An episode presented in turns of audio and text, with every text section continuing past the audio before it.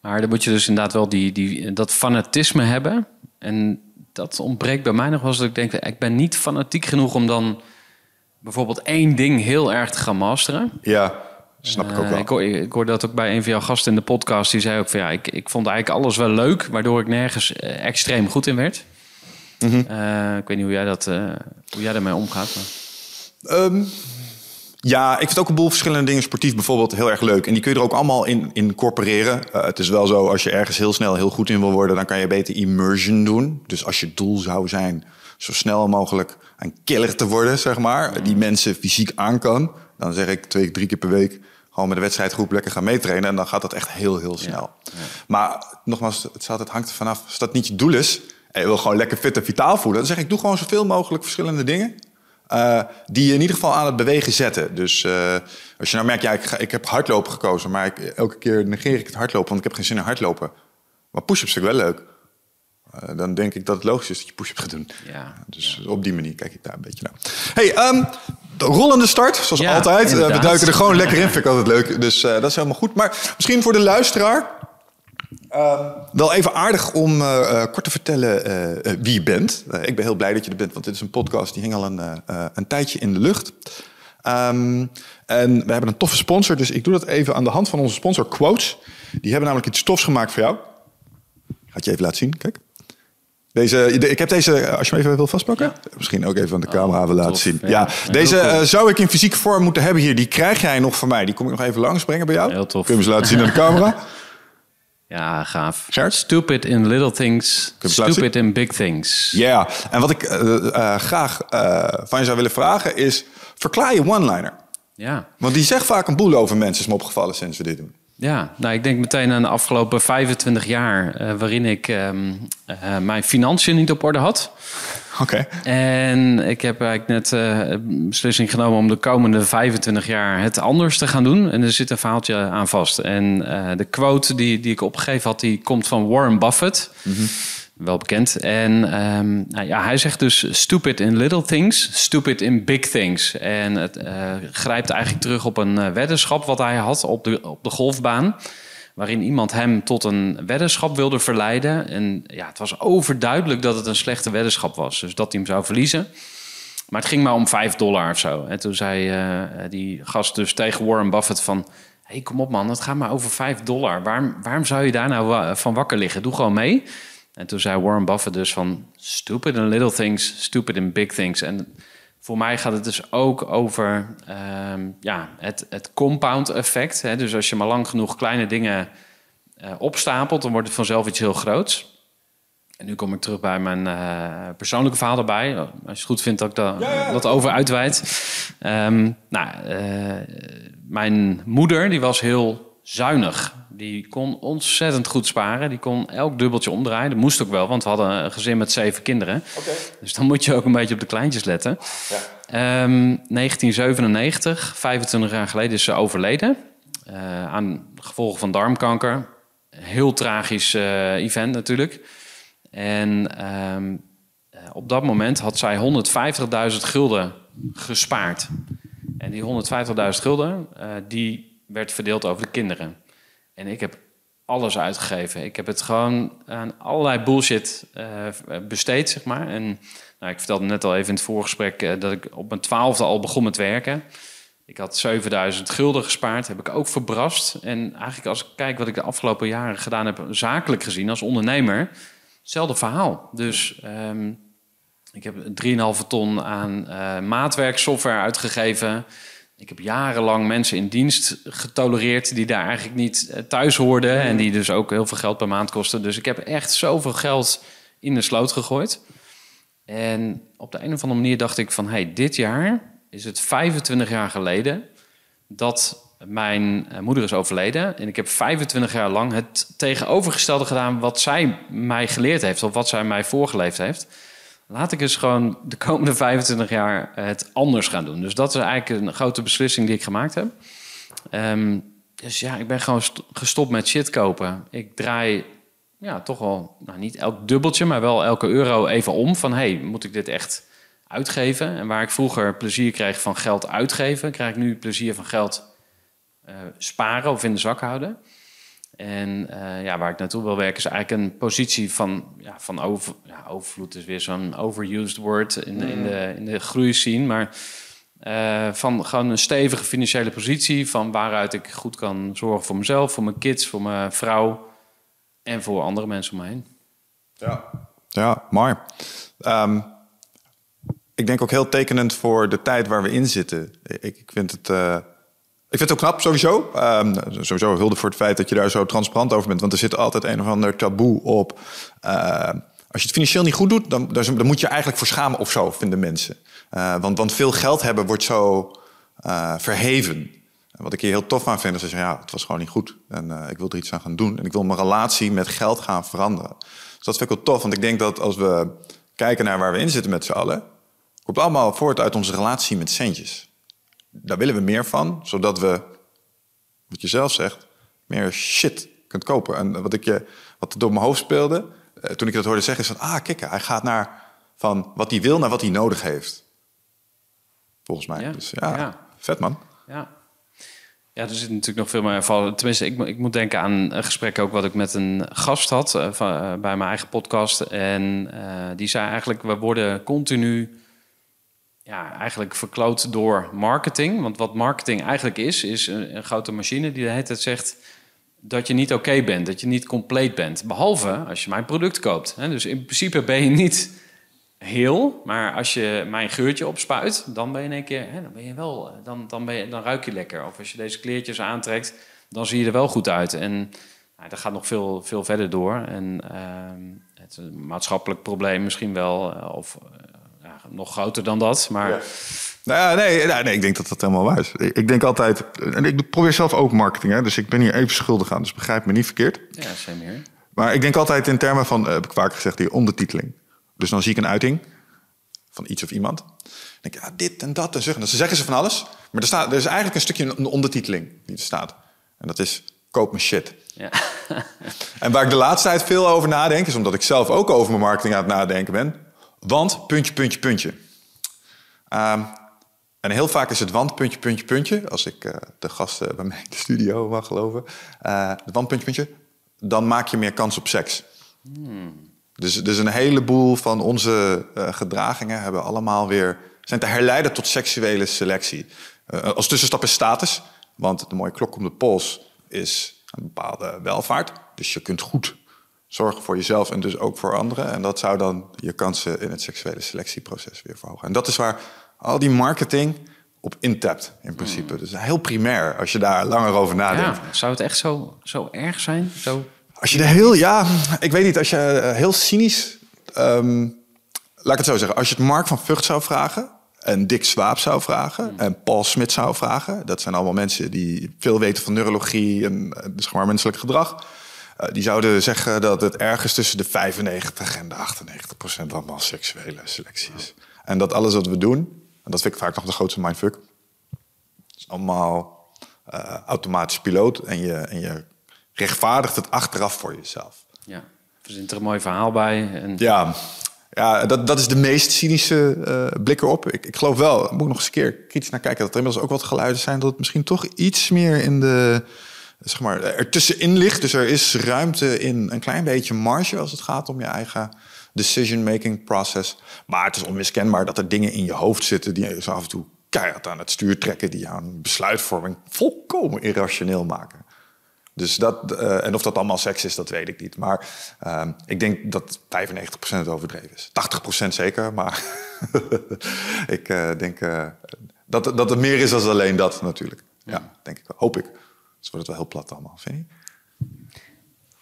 En, en, voor jou dan heb jij, eh, als je dan een klokje om je arm, uh, om je pols hebt, uh, is het belangrijk voor je? Wat, heb jij, ben jij een soort van verlicht? Verlicht? Nee, ik ben uh, verre, verre, verre van verlicht. Um, ik weet niet eens wat het betekent. Alles los kan laten, niks nodig hebt of zo, dat komt bij mij op. Oh ja, ik heb shitloads aan dingen nodig. Bevestiging, liefde, eten, comfort. Dus in zoverre, ik, ik, ik zou het heel moeilijk vinden om te doen wat sommige monniken doen. Zeg maar zich volkomen onttrekken aan alle geneugten van het leven. Daarvoor vind ik het allemaal uh, uh, veel te mooi. Um, maar ik heb wel gezien wat het in het verleden eh, me gebracht heeft. Dus ik, ik ben er zeker in meegaan. Ik heb ook ehm, dingen gedaan, heel hard gewerkt. Meer harder gewerkt dan eigenlijk goed voor me was. Voor dingen als mooie auto's, posities in het bedrijf, eh, bepaalde uitingen van welvaart. Mijn ding was uh, auto's zonder dak. Ja, ik heb een dikke cabrio. Want als je een dikke cabrio rijdt, dat, dat zien aantrekkelijke vrouwen. En die denken dan, kikken. En uh, dan is de kans hoger dat ze iets van me moeten als dat ik geen cabrio heb. Dat is, zo banaal was het eigenlijk. Maar uh, als je, als je uitzoomt, dat wat je aan het doen bent. En daar ben ik zeker gevoelig voor geweest een tijd lang. Ja, zeker. Ja, maar ja, wanneer kun je dat nou helemaal afleggen? Ja, ik, iedereen probeert dus, of tenminste, laat ik bij mezelf houden. Ik probeer gewoon veel puur te leven of, of te zijn of uh, al die dingen af te leggen. En toch trek je dan weer allemaal symbolen aan of uh, kleren of dingen. Ik bedoel, kijk maar alle merkjes uh, die op, op, op, je, op je kleding plakken. Um, maar wat ik, wat ik interessant vind is om, om na te denken van... ben ik gewoon oké zonder dat ik iets doe? Dus dat, eh, ik heb heel vaak ochtends, uh, binnenkort heb ik een, eh, een sessie met, met wat ondernemers over ochtendrituelen. En dan gaat het ook over hoe kun je je dag zo krachtig mogelijk starten. En gaat altijd over doelen stellen en hoe kan ik zoveel mogelijk bereiken in een dag. En dan denk ik ook wel eens van, ja, kan ik niet gewoon zijn? Mag ik gewoon op een stoel in het bos gaan zitten? We zitten hier ook in het bos. Ik denk van, dat is de natuur. De natuur die, die is ook gewoon. En die hoeft niks. Die boom die, die hoeft niks te doen om een boom te zijn. En nou, het wordt allemaal weer heel zweverig en filosofisch uh, natuurlijk. Maar, nee, nee, nee, nee. Ik denk dat je helemaal gelijk hebt. Ja. Nee, nee, nee. Ik, en ik denk ook zo. Want uh, het klinkt misschien raar, want als je me volgt, dan, dan weet je wat ik doe. Want ik ben ook zo'n doelen stellen in Spipipo. Um, maar tegelijkertijd vind ik ook... Um, de vraag is wederom... Het, hangt ervan, het hangt ervan af, want wat is je doel? Kijk, als jouw doel is om ook tijden gewoon te kunnen zijn... zonder dat je iets moet... dan is dat een volkomen geldige gewenste uitkomst. Daarvan zeg ik, zou je moeten willen. Want ik denk, en ik probeer het ook te doen, dat dat heel gezond voor je is. Ik denk namelijk dat elke dag het maximale eruit willen persen ook niet optimaal is. Dus um, dat is zeker geldig. Alleen, hier zit hij. Om dat voor elkaar te kunnen krijgen, zul je op andere momenten wel zo moeten ja, opereren. Ja, ja. Dus het is eigenlijk allebei waar. Dus je moet uh, op het ene moment knallen en op het andere moment juist die rust hebben.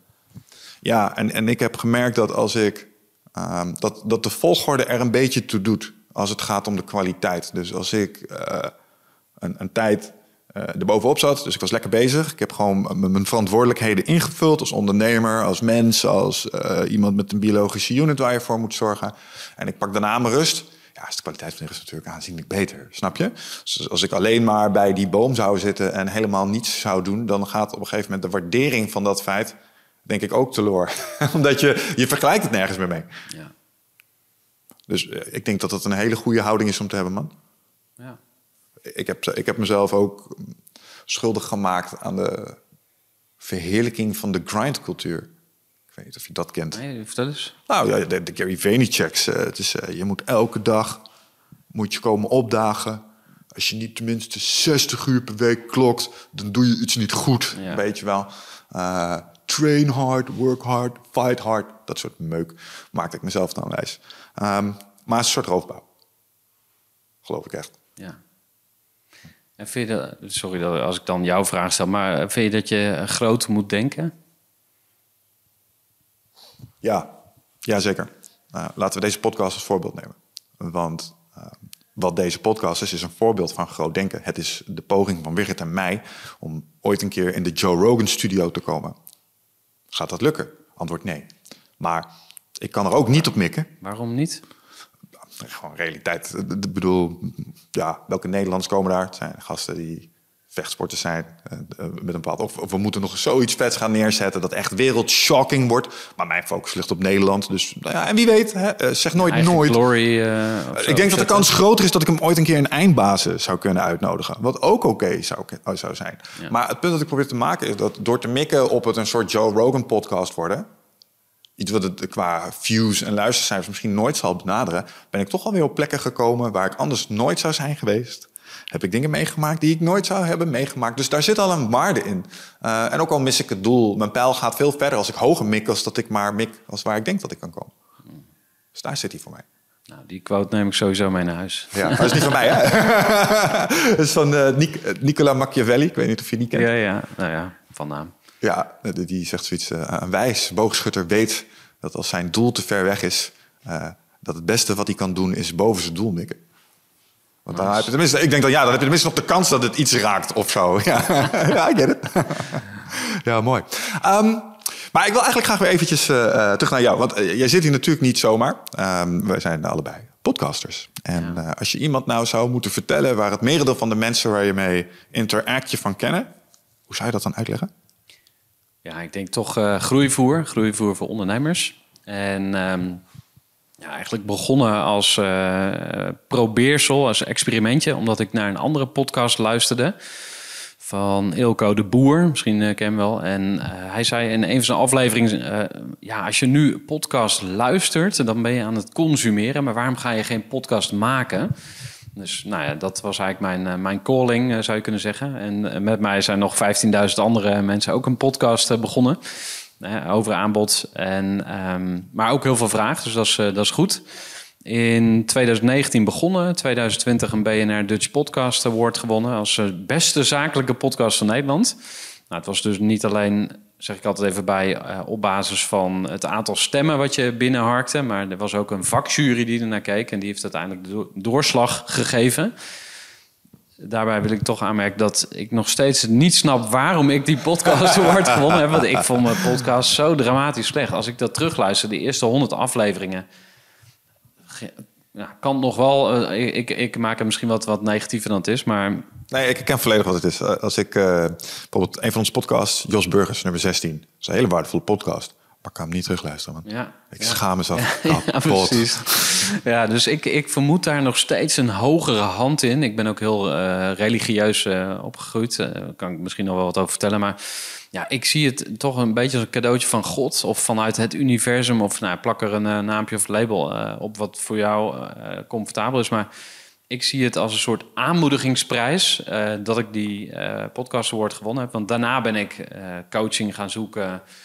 Uh, het is een, soort stroomversnelling geraakt, uh, ook in, in, kwalitatieve zin. Dus steeds betere uh, gesprekken, leukere gasten.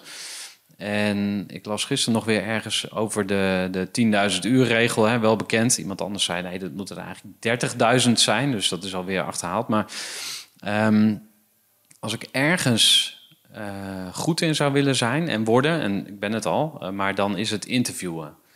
En voor mij gaat het ook over uh, echt contact maken, echt zien wie er tegenover zit, uh, doorvragen, luisteren. Nou, ik kom nog wel eens in een andere podcast en dan valt je soms op dat mensen eigenlijk helemaal niet luisteren of vooral zelf graag willen vertellen. Dat zie dat bij jou niet, want jij, jij stelt ook echt vra geïnteresseerde vragen. Um, maar goed, dus die, die, die 10.000, 30.000 uur regel, heel goed worden in interviewen, dat ga ik de komende vijf tot tien jaar ook doen. Dus mijn doel is om duizend podcast-afleveringen te maken. Nou, ik zit nu op 180, dus ik heb nog even te gaan. Ja, en, uh, ja het heeft me heel veel gebracht. Groeivoer. Um, en daarnaast heb ik nog een uh, uitzendbureau, dat heet Eager People. Dat, dat is eigenlijk waar mijn inkomen uh, vandaan komt. En um, ja, wat wil je nog meer weten? Ja, nee, nee, nee, perfect. want het gaat mij er vooral om... Um Kijk, eh, nogmaals, je doet bepaalde dingen. En je komt niet zomaar bij eindbaas terecht. Omdat ik vind dat mensen die iets uitzonderlijks hebben gedaan... die hebben vaak um, bepaalde strategieën ontwikkeld om dat te doen. En, en, jij hebt een podcast die zich uitzonderlijk ook daarop lijkt te richten... vanuit het perspectief van ondernemerschap. Maar als je het over ondernemerschap hebt, heb je het ook over mens zijn. Dus je raakt ook allerlei onderwerpen daaraan. En ik ben ontzettend geïnteresseerd in mensen die vanuit een bepaald domein zo'n metaperspectief kunnen pakken. Want die zien de patronen. Mm. Jij hebt een aantal patronen ontdekt. En die zijn ontzettend waardevol. Want die zitten in ons allemaal ingepakken. En hoe meer ik ervan vind, hoe meer ik ook leer... oh, maar dit is hoe je ze inzet. En dit is hun waarde ten opzichte van de andere patronen. En dit is hoe je ze doorbreekt. En dit is hoe je ze versterkt. Want die shit zorgt ervoor dat er een bepaald gedrag uitkomt. Dus dat is voor, voor mij een van de belangrijkste redenen... om jou hier ook eens te willen spreken. Want het mooiste compliment dat wij ooit kregen over Eindbaas... was de leerfabriek, Sebas Kodde. Je gaat gewoon verplicht uh, één keer per week naar college. Ja. En daar leer je alle dingen. Dat is het grootste cadeau wat je zelf kon geven. De- dat dit wat kost, dat interesseert echt. Dan moet je niks boeien. Dit is allemaal leergeld en dat ga je allemaal terugverdienen. Toen dacht ik, ja, dat is ook wel zo. Jij hebt ook een leerfabriek. Ja, ja. Thanks. Ja. dus jij hebt ook allerlei dingen ontaard. Terwijl ik andere dingen aan het ontaarden was. ehm, die ik misschien nog niet heb kunnen ontaarden. Het was mijn doel om een aantal van dat soort mensen, jij bent er één Ja. van, ook gewoon eens even te zeggen, ja, maar wat heb je nou eigenlijk ontdekt, gast? Weet je wel, wat Ja. zijn de dingen die we met z'n allen kunnen gebruiken om dat, dat puzzeltje dat we aan het oplossen zijn, te, te fixen? Ja. Nou, dat is, dat is basically mijn eh, reden om jou eens hier eens uit te nodigen. Vraag je, voordat je begon te podcasten. Ehm, zat er weerstand op? De- dus zo- jij dacht, ik heb ook op een gegeven moment gedacht, ah, ik ga een podcast starten. En toen stak er iets zijn kop op dat zei, "Tss, jij, Ja. sukkel. Hm. Waarom zou je? Ken je dat? Nee. Oh, grappig. Ik heb met heel veel andere dingen, maar niet met podcasten. Dus eh, misschien was dat wel een teken. Dat, eh, dat, ik het- dat interessant, ja. moest gaan doen. Maar nee, ja, je koopt die gear. Je gaat eh, met Fools, Friends and Family podcast opnemen. Ik weet nog, de eerste podcast was met, ehm, met een vriend van mij. Die heet eh, Elcho, Elcho Benedict. En eh, hij eh, organiseert whiskyproeverijen. En tijdens het gesprek kwam ik er pas achter dat hij helemaal geen Kamer van Koophandel nummer had. Dus hij was helemaal geen ondernemer. Dus dat was eigenlijk al de eerste ondernemer die ik dan geïnterviewd had. En ehm, eh, aflevering 2 was met Joren en Eimert van Groenpand. bedrijf in de duurzame energie. En ik was helemaal vol van persoonlijke groei en ontwikkeling. En eh, ik had net een boekje gelezen over ochtendrituelen. En toen zei ik tegen Eimert van, ja, en wat is nou jouw ochtendritueel? En toen zei hij, ja, ik word ochtends wakker gejankt door mijn kinderen. En toen dacht ik, ja, dit is dus ook de realiteit. Dus je zit in die, die personal development eh, bubbel. En dan eh, ga je met, met echte mensen praten die gewoon in de praktijk aan het ondernemen zijn. En eh, om terug te komen op jouw vraag: van, eh, ja, had je daar nog een soort eh, imposter syndrome of eh, eh, blokkades of zo? Nee, absoluut niet. Ah, interessant man. Ik heb, eh, we hebben een pilotopname gedaan. 20 minuutjes. Ik heb het nou wel vier, vijf mensen laten luisteren. Kan dit?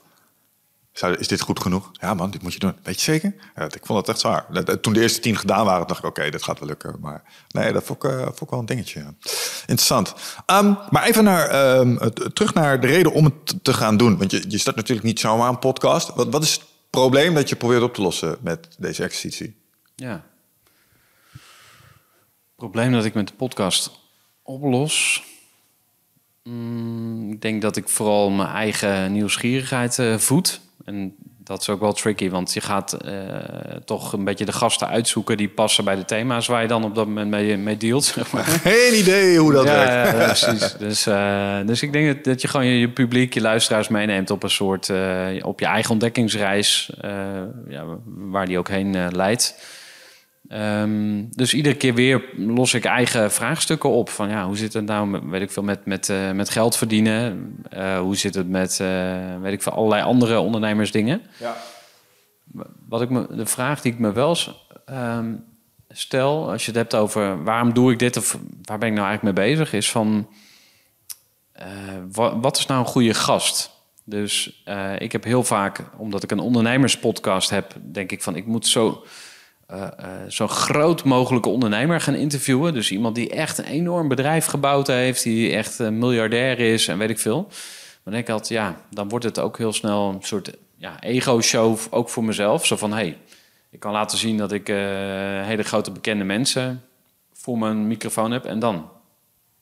Dan ben ik nog steeds zelf gewoon die dude die een beetje achter de microfoon de vraag stelt. ja, Wat schiet ik daarmee op? Het pragmatische antwoord is bereik. Omdat eh, zulke mensen hebben een aanzuigende werking. Dus Ja. eh, je- dat wat je genereert aan waarde, in, inzichten, eh, lessen... kan door meer mensen worden genoten... omdat ze nu ineens weten wie je bent... omdat ze die ene bekende gast wel volgden. Maar ze hadden nog nooit van jou gehoord... want er zijn 15.000 podcasts. Maar nu is er een snippet van jou... samen met die meneer of mevrouw... en nu kennen ze je. En van, oh, maar die zat er ook en die zat er ook. Oké, ik ga me hierop abonneren. En nu heb je een oor... En dat is de reden om het te doen. Ja. Oké, nou, mooi antwoord. Ja, we hebben pragmatisch ingestoken misschien. Ja, ja, ja, maar ik denk dat af, wederom afhankelijk van je doel, hè? Ja. Nou, misschien is dat wel eh, zo'n stemmetje uit mijn jeugd. Hè? Dus dan, ik- wat ik al vertelde, ik ben, ben heel christelijk opgegroeid. En ehm, daar ging het ook altijd over ja, ben je een goed mens? Ben je, uh, ging je veel zelfonderzoek ook doen van ja, wat zijn nou mijn echte motieven? Dus soms probeer ik misschien te diep te graven van ja, waarom doe ik dit nou? Zijn mijn intenties wel, wel zuiver? Ehm, maar goed, het, het, kost ook gewoon veel tijd. Dus als jij een beetje een podcast aan het maken bent en, en, en je vindt het leuk en, en nou, that's it, dan ben je klaar. Maar nu kost het gewoon minimaal een dag per week.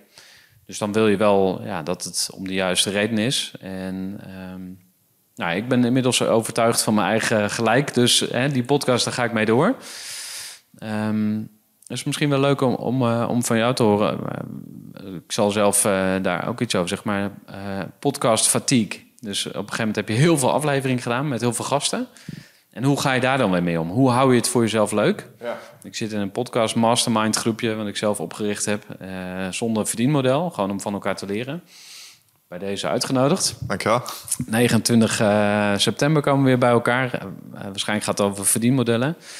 Maar toen zei ik dus van ja, ik heb 180 afleveringen. Toen zei die gast naast me, ehm, die zei van, hè, hoe hou je dat vol? Dus hoe, hoe doe jij dat? Zorgen dat de gasten tof blijven. Uh, op een gegeven moment, uh, heeft daar ook wel wat meer over gezegd. Dat is ook de reden van sabbaticals. Dat we opnames aan het doen waren omwille van de opnames.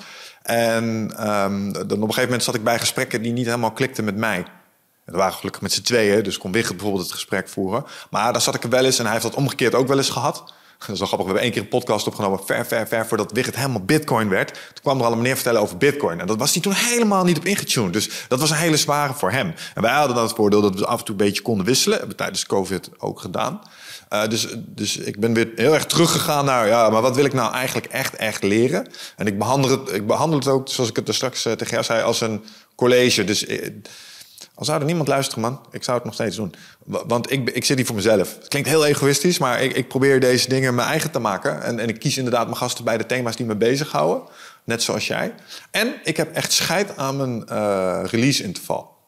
Dus uh, als ik hem twee maanden niet re release, mm. ik heb daar geen stress van. Wigert ligt daar wakker van. Mij interesseert het echt helemaal niks. Want ik geef je gratis content. En ik heb even vakantie nodig. En zodra ik het weer heb, kom ik wel nieuwe content maken. Uh, dus ik wil, want ik ken YouTubers, die hebben je ook uitgenodigd. En die omschrijven ook gewoon heel eerlijk. Ja, op een gegeven moment als je dagelijks content moet... Je zit erin vast, man. Het is een gevangenis. Ja. En uh, dat heb ik meteen vanaf het begin af aan gezegd. Ja, maar dat ga ik niet doen, man. Want ja, als ik nou betalende abonnees had of zo Snap je? Dan heb je andere relaties. Ja, Uh, nee, wij gaan straks, als je het over verdienmodellen hebt, eh, misschien iets doen met donaties. Maar die zijn ook vrijwillig, snap je? Dus dat doe je omdat je de voorgaande content ook tof vond en, en daar wou je iets mee. Want ik wil mezelf niet klemzetten in een verplichting waarbij ik mijn content moet maken. Want dan gaat de ziel eruit. En ik denk dat dat de truc is. Ja. Dus als ik hier wil zitten, is het allemaal cool. Zodra ik moet. En ik ben ook niet benauwd om een, uh, een afspraak als ik hem niet voel maar dan kan ik dat gewoon transparant van, ik zit niet in mijn vibe, man. Dus dit wordt geen tof interview. Ja. Dus uh, laat me niet doen. Ja, nee, maar dat, dat, dat, dat moet je gewoon... Het is mijn energie en mijn tijd die ik uitgeef. Uh, en en uh, dat is hoe ik het leuk hou voor mezelf. Dat is wel een goede trouwens, ja. Vooral die tijd ook, hè? Dat, die, je tijd uitgeven. Ja, en Wigert, die, die, die, die, heeft dat, die deed dat veel strakker als ik. Maar hij heeft er wel gelijk in. Die zat van, oké man, doe het maar. Uh, we komen hier naar de studio. Ja, jij moet... Eh, toen zat ik nog in Deventer. Maar twee keer anderhalf uur rijden, dat is drie uur. Zo, wat is je gemiddeld uurtarief? Kan je uitrekenen, Oké, okay, dan ga je het preppen. Dus dan doe je twee, drie uurtjes over. Mag je er gewoon aan toevoegen. Dan gaan we er zitten. Dan moeten we de editor nog betalen. Dus het, kost gewoon ook nog eens iets. Ja. Um, en, dat zijn verborgen kosten, want ja, je, keert het jezelf niet uit. Maar ze zijn er eigenlijk wel. Ook jij, jij hebt uurtarief. Dat jij hier twee uur naartoe moet komen rijden.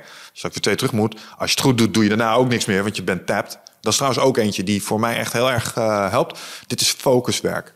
En ik heb als regel vier uur focuswerk per dag. Daarna, I'm done. Dus als dit klaar is, misschien nog een belletje of twee, maar daarna doe ik ook helemaal niks meer. Hmm. Want ik moet morgen nog een keer een podcast, snap je? Dus ik weet, ik ga morgen nog een keer. Dus dan moet ik...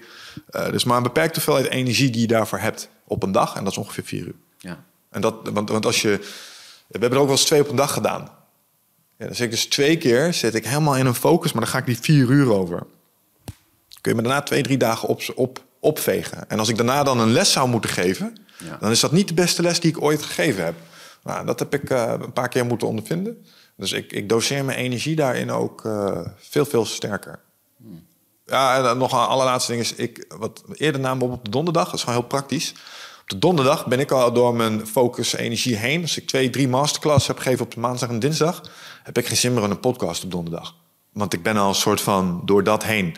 Dus wat ik heb gedaan, ik heb ze naar de maandag en de dinsdag getrokken. En ik zet mijn trainingen gewoon uh, iets achterop. Want die kan ik zo goed.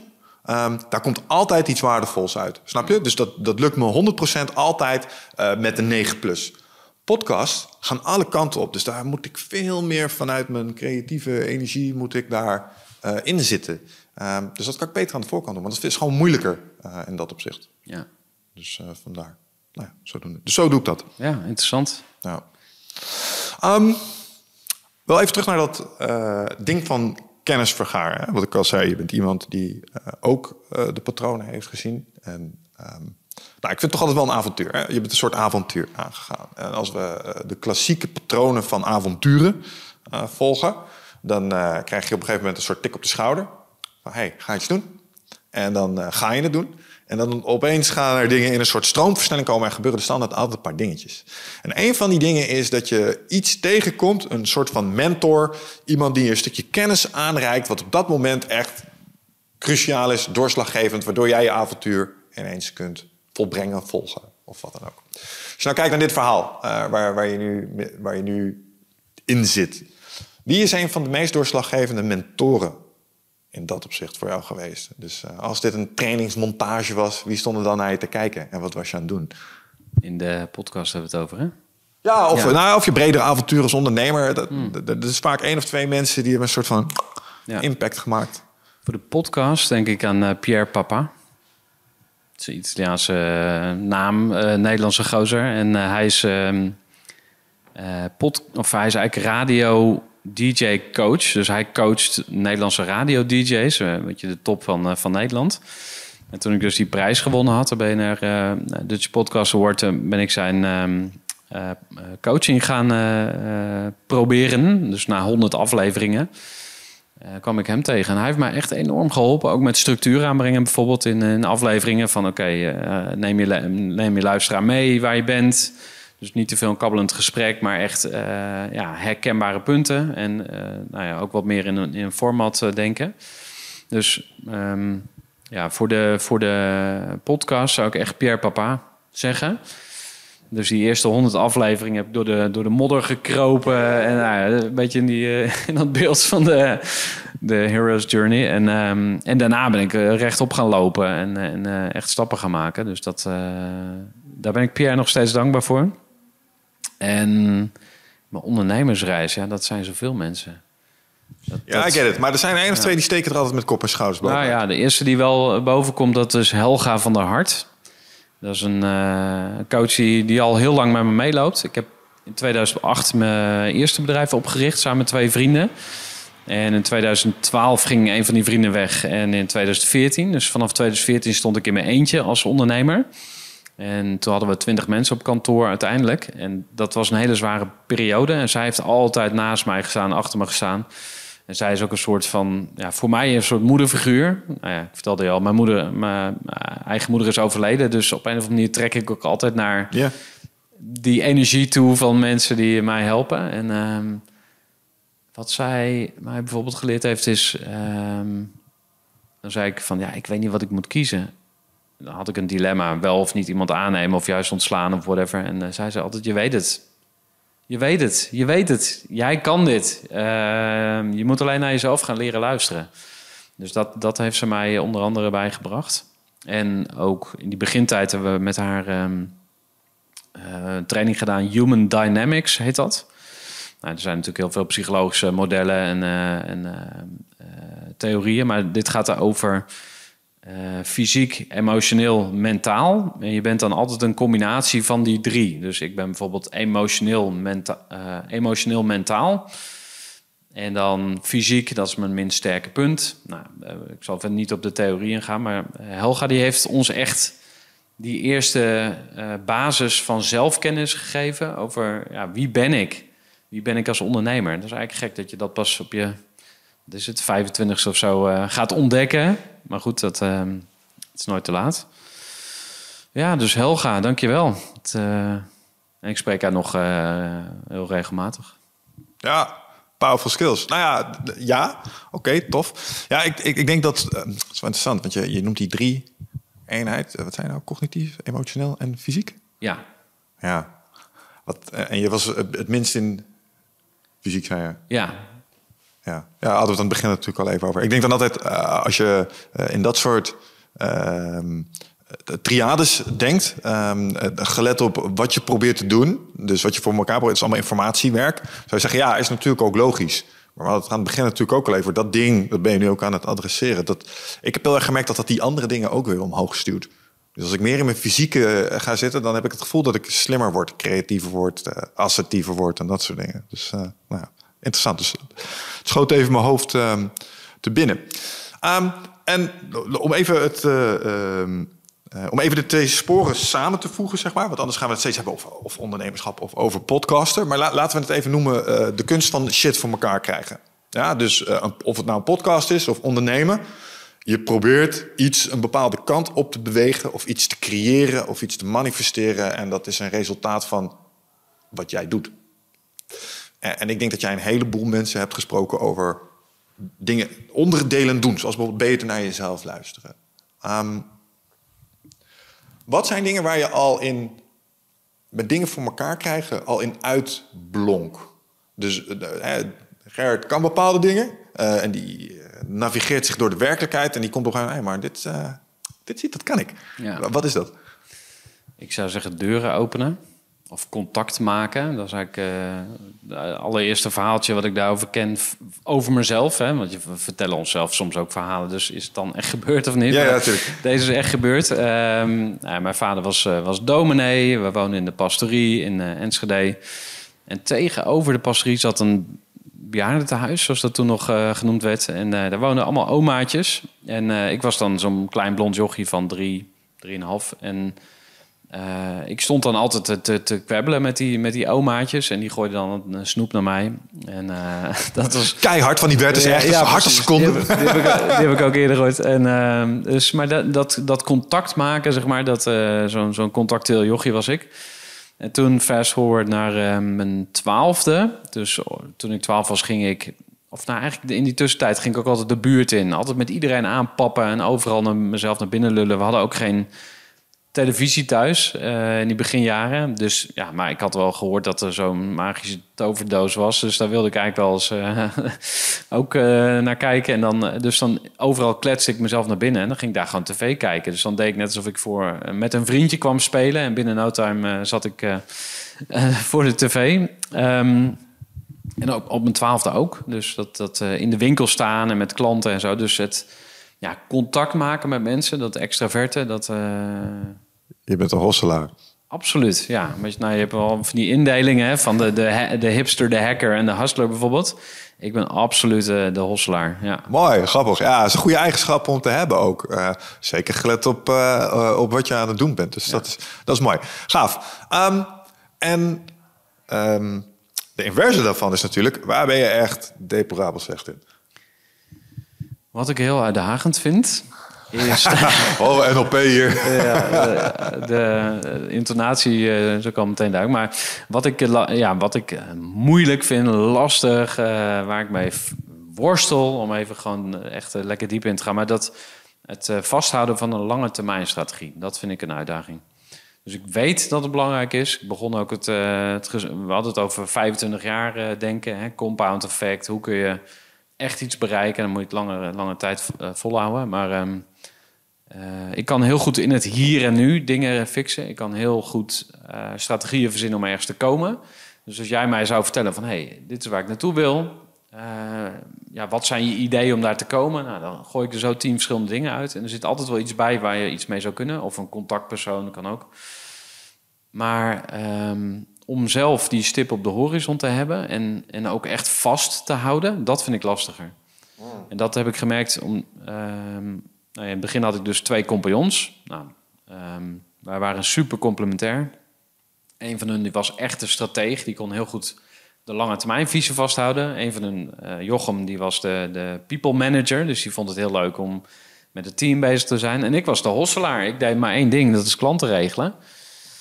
Dus ja, zolang we die teams eh, samenstelling hadden, was het ook prima. En toen ging er dus één weg, Jochem. Nou, toen nam Jor het personeel over. Dus toen, eh, alsnog mocht ik gewoon lekker buiten spelen en klanten regelen. En toen ging Jo- Joren weg. En toen moest ik ineens alle rollen gaan combineren. En als je eh, een bedrijf hebt, dan moet je wel 10, 15 dingen... moet je in ieder geval ja, beheersen, iets van afweten. Ja, man, zeker als je personeel hebt. Ja, Ja, heftig. Dus, en zeker in deze COVID-tijden is het nog extra verwarrend van ja, wat is nou een goede koers? Dus eh, bij mijn uitzendbureau eh hebben we best wel klappen gehad van, van corona. Eh, veel omzet verloren, veel subsidie gehad. Nu is de subsidie gestopt. Nou, best wel uitdagende tijd momenteel. En ja, wat is een goede toekomstvisie? Moeten we dan naar een andere markt gaan bewegen? Moeten we stoppen met wat we nu doen en een andere markt gaan opzoeken? Of wil ik iets heel anders? Dus Ja, greener pastures, blue oceans. ja, ja. Red Ocean, Blue Ocean, wat wil je? Ja, ik snap het helemaal. En eh, zeer herkenbaar probleem voor ehm, niet alleen ondernemers, maar gewoon people in general, man. Zo van waar wil je over vijf jaar, weet ik veel. Eh, hoe ga je er komen? Ja, fuck if I know. Weet je? En hoe hou je die koers dan? Ja, veel, van dag tot dag. Dus eh, ja, dat is eh, eigenlijk best wel normaal. Maar tegelijkertijd, je, hebt het ook gemerkt... als er iemand is die die lange baan wel eh, een klein beetje in de smiezen heeft... dan heb je daar heel veel voordelen van. Ik denk dat er strategieën zijn om dat op te lossen. Wat zijn manieren die jij hebt ontdekt om het in ieder geval ietsjes beter te doen? Ja. Mm, nou, dat eh, van het compound effect, zeg maar, de, dat, dat is bij mij wel blijven hangen. Dat, dat je inderdaad. ehm, dus dat is meer een mentaal concept wat ik mezelf dan voorhoud van, oh ja, dat is waar ook. Ehm, ja, er zijn toch dingen die je iedere keer weer opzoekt omdat ze bij je passen. Dus je, je, ja, je passie vol. Dat vind ik zelf vreselijk. Maar ehm, je zijn grillig, man. ja, ja, ja, maar er zit altijd wel een rode draad in of zo. Er zijn altijd wel één of twee dingen. En wat ik de laatste tijd zo veel meer probeer te doen, is iedere keer weer teruggaan naar mezelf. En dat is eigenlijk ook eh, misschien een mooie cliffhanger voor mijn allergrootste les van al die 180 afleveringen. Daar ga ik dan straks iets over zeggen. Ik weet niet of je de spanning verder op wil bouwen, maar... Ja, ja, hou ze vast. Ja, Keep them listening, man. Ja, oké. Kom ik zo, eh, kom ik zo terug. We zijn zo terug naar de ster. Ja. Ehm, en niet, on- niet te onderschatten factor is natuurlijk mensen om je heen. Nou, ik noemde Helga van der Hart al, eh, al even. Maar zij is dan iemand die spreekt dan één of twee keer per jaar. En dan zegt ze, oh, Ja. ik zie dat je weer afgedwaald bent. Of eh, ga terug naar jezelf, man. Wa- Wat, wil jij? En, eh, en dan komt het wel weer goed. Ja, dat is ontzettend cruciaal. Mensen om je heen. Daar wil ik het zo nog eventjes over hebben. Ehm, je, je gaf er straks iets aan trouwens. Eh, misschien een... ik kan het niet laten. Ik, ik denk dat ik misschien een tool heb waar je iets mee kan. Je hebt software gebouwd, toch? 3,5 ton aan maatwerksoftware, hoorde ik. Staat nu ergens licht op de plank. Nee, niet- niks te niet doen. Oké, nou, even dat terzijde. Maar je hebt het proces van software bouwen heb je dus wel eens gezien. Mhm. Ehm, software en bedrijven zijn bijna hetzelfde. In de zin van, je kan specificaties maken voor je software. Je kan een roadmap maken voor je software. Dat is allemaal logisch in software. Ik ben erachter gekomen, ik ben een IT'er. Werkt ook voor ondernemingen, man. Dus je, dus je kan eh, in dat, eh, het leven in brede zin. Dus je kan een soort nadenken van: oké, ik wil deze features over de loop der tijd. En hoe doen eh, IT-huizen dat? Nou, die, die hangen zo'n roadmap gewoon aan de muur, zodat we hem zien elke keer. En, en dan is het een reminder van: ja, maar dit is de koers. Die, dus gaan we nu deze nifty new feature toevoegen? Ja, past niet in deze story arc, dus nee, gaan we niet doen. Snap je? En dat houdt het consistent. Ehm, en, en dat was voor mij echt eh, een paar jaar geleden wel echt. eh, dat kwam door Michael. Michael noemde ineens een roadmap voor je leven. Dacht ik, what the fuck? Ja, tuurlijk, logisch. Eh, Ik bedoel, dat kan voor software, maar dat is toch hetzelfde als. En wat is een roadmap nou eigenlijk anders als je bijvoorbeeld naar vitaliteit zou kijken? Heb je ook een soort roadmap? Een programmering. Ik ga dit nu in de sportschool doen, maar er zit een plan achter wat me ergens brengt. Eh, namelijk, want ik ga voor dit of voor dat systeem ga ik trainen. Dus het is misschien nog wel een aardig om eens. eh, Waar is jouw roadmap dan? Die zit nu in mijn boek. Ik kan hem je laten zien als je het leuk vindt. Ja, misschien, is- of nou ja, sowieso wil ik hem wel zien. Daar ben ik wel benieuwd naar. Ja. Ik, ik verlies me dan al heel snel in de tooling. Denk, ja, moet ik dat in Miro gaan doen of in, eh, weet ik veel.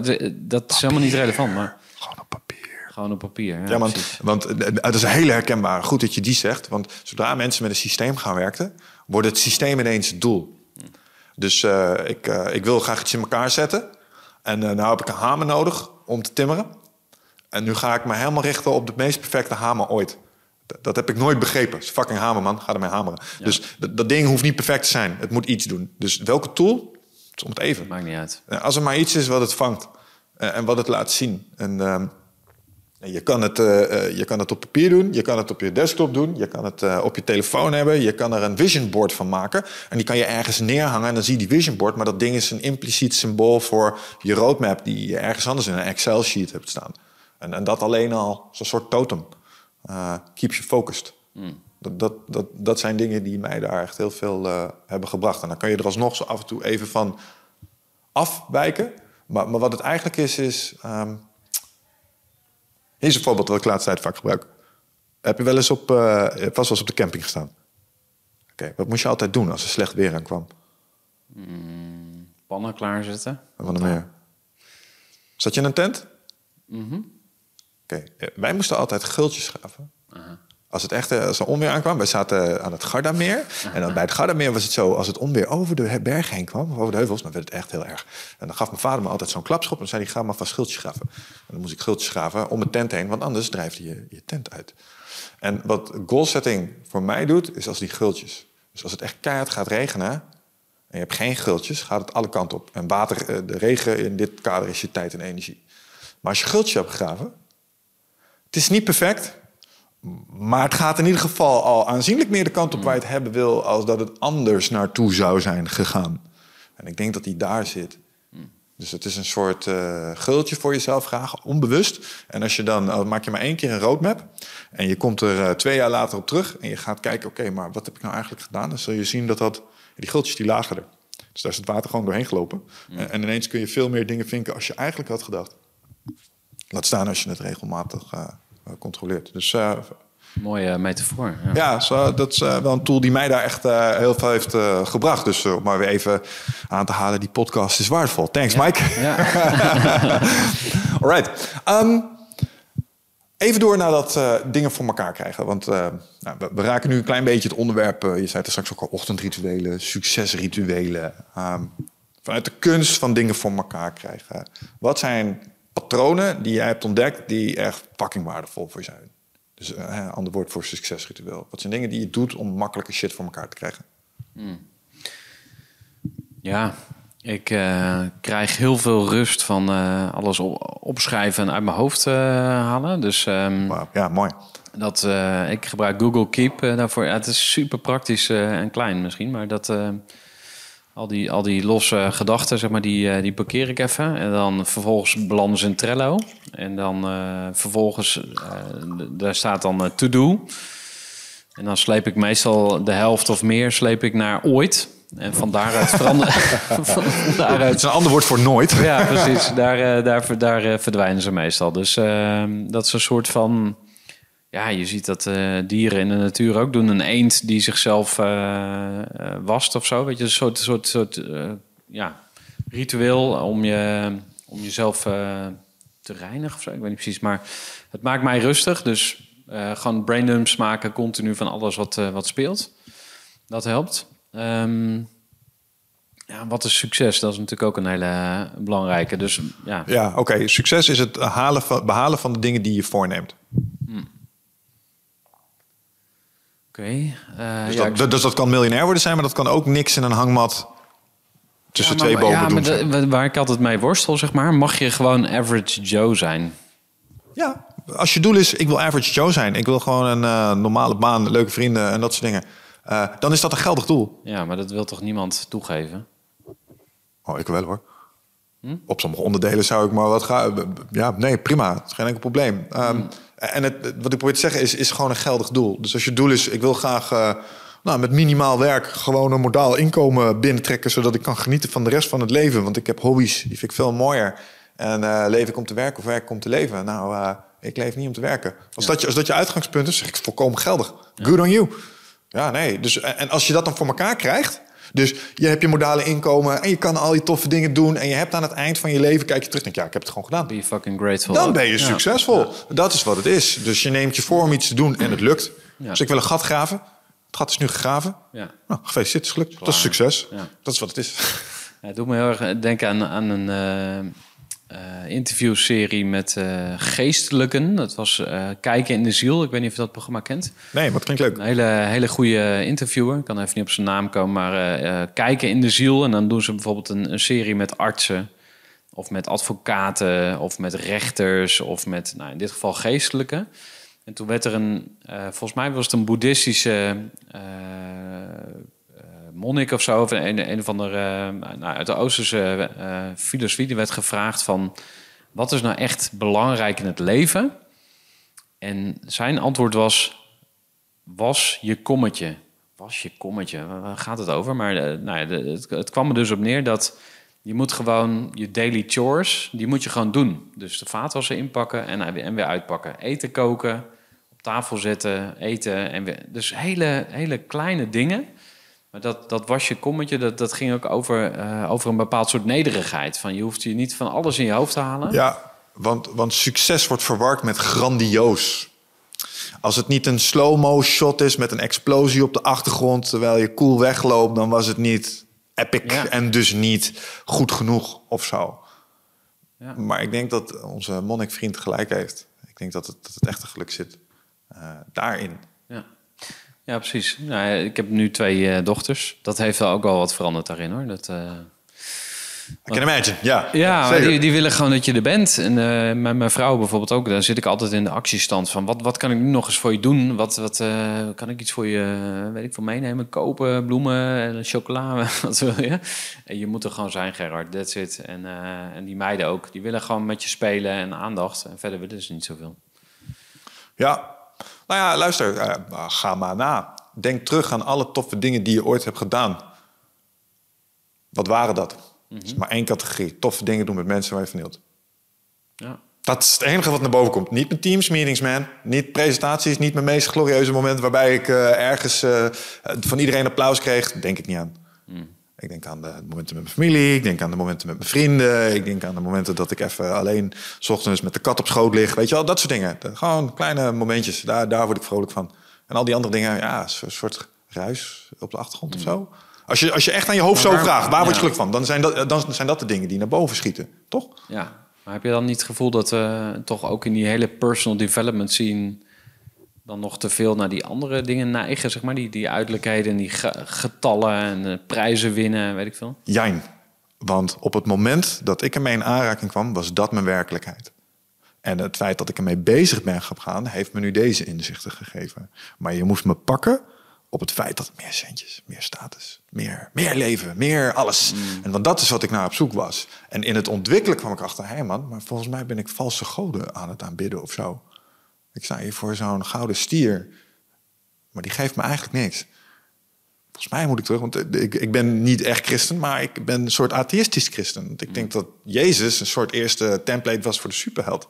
Snap je? Dus mm. ik denk dat er, en dat is niet dat is de keerzijde ervan. Mm. Maar, maar daar kom je pas uit en dan kom je pas achter op het moment dat je de ruimte maakt voor jezelf om dat anderen niet meer zo te willen. Want anders is dat willen zo overheersend. Ik wil het, ik wil het. Maar als je het hebt, snap je pas, oh shit, dit is ook maar gewoon een glimmend steentje.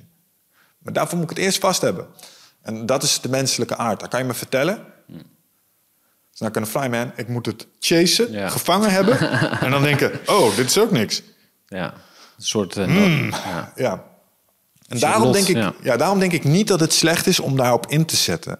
Um, omdat ik denk dat het onvermijdelijk is dat als je daarin stapt, dat dat bootje uiteindelijk aan de andere kant uitkomt. Denk ik. Ja. Dat is een intuïtie. Dus nee, laat ze daar vooral op instappen. Want dat is waar ze op dat moment op aangaan. Nou, dat is helemaal perfect. En het, het werkt voor mij ook nog steeds op onderdelen. Snap je? Ja. Dus uh, ja, nee. Ik denk altijd, als het een effect heeft, dus het zet je in beweging, boeit het dan. Hmm. Nee, als de beweging die je inzet gunstig is, dan is het oké. Ja. ja, makes sense. En is er ook een versie van je roadmap waarin je geen 100 wordt of 85? Nou, ik ga sowieso op mijn roadmap staat onsterfelijk worden. ja, als je Biohacking-achtige... Ja, ja, eh, nou, laat ik het zo zeggen. Ik, ik, ik ben helemaal aangegaan destijds. Ik ben er inmiddels iets genuanceerder in. Omdat ik snap dat er heel veel technologische complexiteit bij komen kijken. Maar Raymond Kurzweil, de Singularity, Singularity University. Mhm. Ik ben een uh, techno-optimist. Sommigen zouden zeggen techno-tovenaar. Dus ik denk dat we CRISPR uh, is een voorbeeld. Uh, het feit dat we longen kunnen printen nu is een voorbeeld. dus wij kunnen nu dingen met onze biologische machine die tegen het goddelijke aanzitten. Wauw. Dus ja, hey, luister man, misschien als we het nog 50 jaar re- redden hier als beschaving... en we, we gooien de ruiten niet al te, te zwaar in voor onszelf. Maybe, Zou interessant zijn. Maybe. Ja. Ehm, het is niet onmogelijk meer. De kans is niet nul. De kans is niet nul. Maar het is wel een long shot. Eh, eh, maar misschien als we twee, drie generaties verder zijn, dat het wel degelijk een ding is. Dus eh houdt mijn roadmap rekening met het feit dat ik eindig ben? Ja, absoluut. Dat is de- voor mij de primaire reden om het te doen. Omdat I'm gonna die. Ja. En dan is de tijd op. Dus. Ja, en wat als die heel snel komt? Want er was laatst zo'n, zo'n Ja. wat was het, die eh, reporter van Noord, eh, TV Noord-Holland of zo, ergens in Amsterdam, zo'n upcoming talent, jongen van 29 of zo, die in één keer eh, bij een car crash om het leven kwam. Ja. Ik wil niet de sfeer te ver omlaag brengen, maar Ik denk dat je. ik heb dus een vriend die dit regelmatig tegen mij zegt. Die zegt van Gerard, jongen, al die doelen van je, al die zelfverbetering, al die, al die Zwakte bot. Vind ik fucking zwakte bot. Ja, je weet niet of je morgen doodgaat. Dus eh, doe het dan maar niet. ja, maar wat een gelul. Je gaat, iedereen weet dat hij doodgaat. Het is juist de motivatie om het nu maar te doen. Want morgen is niet gegarandeerd. Zo kijk ik daarna. En als ik een set aan ervaringen wil hebben in dit leven... dan kan ik maar beter nu eraan beginnen. Want nogmaals, morgen is niet gegarandeerd. Ehm, dus als er nou dingen zijn die je echt heel graag nog wil bereiken... doen of wat dan ook... omdat je denkt dat dat een ervaring geeft die de moeite waard is chase it. Want Ja. tijd is het meest waardevolle wat je hebt. Ehm, dus haal er het maximale uit. Maar hier zit het ding. Het maximale eruit halen is niet maximaal grinden op eh, doelen als zoveel mogelijk geld of eh, zo groot mogelijk aantal bereik. Nee, nee, nee dat, dat is helemaal niet. Dat, dat heb je nodig om andere dingen te, kunnen doen. Als ik met de mensen waarvan ik hou, mijn favoriete mensen, lekker eh, wil genieten van wat te eten, rust, dan, dan kan dat alleen omdat ik mijn andere verantwo- Ik heb mijn kommetje gewassen. En nu kan ik rustig zitten. En nu kan ik genieten van dit ene moment. Want dat is waar het allemaal om gaat. Maar dat, dat koop je terug met een daad van ja, discipline of zo. Dus ja, morgen is niet gegeven. Ja, je bent eindig. Maar dat is juist de reden voor mij om het te doen. Je gaat er aan, hè? Ja, dat is, ja, dat is, dit, is, ja dit, is, dit is er eentje voor mij. Ja. Nee, ik vind het altijd eh, eh, moeilijk als mensen... ehm ja, zoals ik zei, vind ik een zwakte bot, zou denken. Vind ik zonde van je tijd. Ik doe het maar niet, want ja, misschien ben ik morgen wel dood. Juist daarom. Hij trekt mij altijd mee de dansvloer op. Het eh, klinkt erg aan het maar ik ben t- tijdens mijn studententijd ben ik salsa gaan dansen. Mijn, ehm, eh, mijn vrouw die heeft me voor het eerst meegenomen. En to- toen ben ik een van mijn allerbeste vrienden tegengekomen, Isa, een Palestijnse jongen. En die, nou, met hem ga ik één of twee keer per jaar ga ik naar een salsa-congres. Dus dat is dan ergens in, eh, weet ik veel, eh, Berlijn, Parijs, Londen. En staan er nu een paar wat verder weg ook eh, op het programma. En er komen 1000, 1500 van die fanatieke salsa-dansers die komen daar. En die gaan dan drie nachten lang dansen. En mijn mooiste moment was de eerste keer dat ik bij zo'n internationaal congres was, in Berlijn. De, de laatste nacht, het laatste nummer. En ik was super moe van echt drie nachten gewoon non-stop eh, dansen. En, ehm, en, en toen, toen werd ik gewoon helemaal emotioneel. En eh, toen dacht ik, van, als ik nu sterf, dan is het gewoon goed geweest. Dat was zo'n, ja, dat is ook helemaal niet uit te leggen. Of, of, eh, maar, maar dat was voor mij wel echt dat ik dacht van ja, dat, nou ja, als je het hebt over wat wil je dan nog bereiken, dat hoeven niet grote getallen te zijn of zo, maar zo, zoiets als naar een salsa-congres in Japan of zo, dat lijkt me heel cool. Ja, Dat soort doelen. Maar, maar hier zit hij. Dat is dus een geldig doel. Ja. Maar daarvoor moet je wel naar salsa-les. Ja. En salsa-les kost je centjes. Ja. En, en daarvoor moet je dus af en toe wel je werkjes doen. En, en, en dan heb je centjes voor je salsa-les. En kun je naar Tokio, kun jij drie dagen lang kan je dansen... om een soort eh, verlicht moment mee te maken in de laatste dans. Stijgen, ja. Dat is wat leven is, man. Ik denk dat je daarvoor moet gaan. Ja. Ja. maar daarom moet je doelen hebben. Want als je nou zegt, ja, maar ja, mogen niet geven... dus ik ga niet naar salsa-les... kom je nooit daar in Tokio. ja. En dat is hoe ik de relatie zie. Hmm, nou, oké, check. Got it. Ja, alright. Hey, ehm, eh, ik vond het sowieso tof om eh eventjes iets te horen over, eh, over je workflow ook. En ehm, eh, hoe je dingen voor elkaar... Redelijk systematisch. Ik vond het minddumpen, eh, dus, dus je kopie leegmaken, vind ik heel gaaf. Ehm, als we even naar de monomythe zouden gaan, hè, de hero's journey. En we zouden jou pontificaal in de, in de rol van de, de helduwer. Dan eh, krijgt die gast eh, vaak in de films krijgt hij twee cadeautjes. Namelijk hier heb je zwaard en hier heb je schild. Ehm, en als we die nou even symbool laten zijn voor iets waar jij heel goed dingen mee voor elkaar krijgt... en iets waarmee je heel goed voor jezelf zorgt. Ehm, wat is jouw zwaard in dit verhaal? Ja, dan denk ik toch aan mijn eh, verbale skills, denk ik. Ah. Dus ehm, ja, gewoon die vriend waar ik net over had, die zegt ook altijd: ja, je bent echt een smooth talker. Je kan echt eh, iedereen zeg maar omlullen of zo. Dat zit heel erg vast aan dat sales ook, hè? Dus de hosselaar, dus gewoon eh, mensen verleiden om iets te doen en met, Ja. met woorden. Dus ik denk dat dat eh, een zwaard zou kunnen zijn. En, en dan daar nog even verder op Ja. in, inzoomend. Wat zijn dan je trucjes? Dan kan je zwaard geven en dan kan je mee steken, dan kan je mee zwaaien. Ja, kan je ja, mee-. Maar Wat zijn dingen die jij doet vanuit je verbale overtuigingsvaardigheid? Dan vind ik, ja, dit is wel een van mijn trucjes. Ja, nou ja, ik denk sowieso dat een beetje goede salesman of vrouw... dat die eh, heel goed zich kan aanpassen. Dus echt een beetje een chameleon is. Dus je neemt echt de kleur aan van, van je gesprekspartner. Ehm, zwijgen, dat is eentje die ik eh gaandeweg geleerd heb. Dus toen ik net begon als salespersoon... was ik vooral heel enthousiast. Gewoon eh, hè, dat blaffende hondje. En dan stond ik in de lift met mijn contactpersoon. En dan was ik aan het kwispelen. En van, eh, ja, wat een mooi gebouw heeft u. Nou, ik ging helemaal ratelen. En Ja. Nou, ik ben rustig geworden, laat ik het zo zeggen. Waarom moet je daar zo om lachen? Omdat ik eh, moet denken aan een van mijn eigen eerste salesgesprekken... waarbij ik eh, precies hetzelfde deed. Eh, toen zei die beste gat, je mag stoppen met boren, je hebt olie. Weet je wel? Zo van, stop maar. Want ik Oh. bleef maar stapelen en Oh, stapelen en Oh, stapelen. En dit ook nog en dat ook nog. Eh, Gast, je bent er al, weet je wel. Ja, Dus dat is mooi. Oké, cool. Ja. stilte. Ja, stilte, ja, luisteren. Nou ja, goed, eigenlijk alle eh, skills die ik ook in de podcast gebruik. Hè, dus interview skills. Het is eigenlijk gewoon eh, ja, afstemmen op wie er tegenover je zit. En eh, ja, wat hebben ze nodig? Eh, ja. heb ik een vraag over. Ik, ik zat laatst een YouTube-video te kijken over The Laws of Human Nature van Robert Greene. En wat, ze, wat ze daar zeiden was iets, misschien vind je daar iets van, is luister niet naar wat mensen zeggen. Want ze zeggen toch wat ze denken dat je wil horen. Kijk naar hoe ze bewegen. Want daar zit alle communicatie. Klopt dat? Ja, dat is, dat is dan echt, dat zou ik dan echt als de next level zien. Dus ehm, ik had laatst een, podcastgesprek met iemand die noemde dat eh, horen wat er niet gezegd wordt. Of luisteren onder de woorden. Of ja, iets, eh, eh, luisteren met je hart had ik ervan gemaakt, geloof ik. Dus je luistert natuurlijk niet alleen met je, met je oren, maar ja, met je hele zijn. Ja. Ehm, het was laatst op een, op een voorlichtingsavond. Dat ging over, was voor een opleiding voor het Instituut voor. eh, hoe heet het ook alweer? Ja, het Instituut voor Leven en Intuïtie. Die zit op de Malibaan sinds 1980. En zij helpen mensen om naar zichzelf te leren luisteren. Dus dat zou eigenlijk stap 1 moeten zijn. Dat je eh, eerst in contact zijn met jezelf. En vanuit de vrije ruimte die je daar ervaart. Dus dan heb je een soort rust over je. Ga je kun je de ander gaan aanvoelen als een soort klankkast. Ik zeg het nu heel raar misschien, maar... ehm, eh, maar ik ben, ben het daarmee eens met die, met die Robert Greene van... ehm, wat wordt er niet gezegd?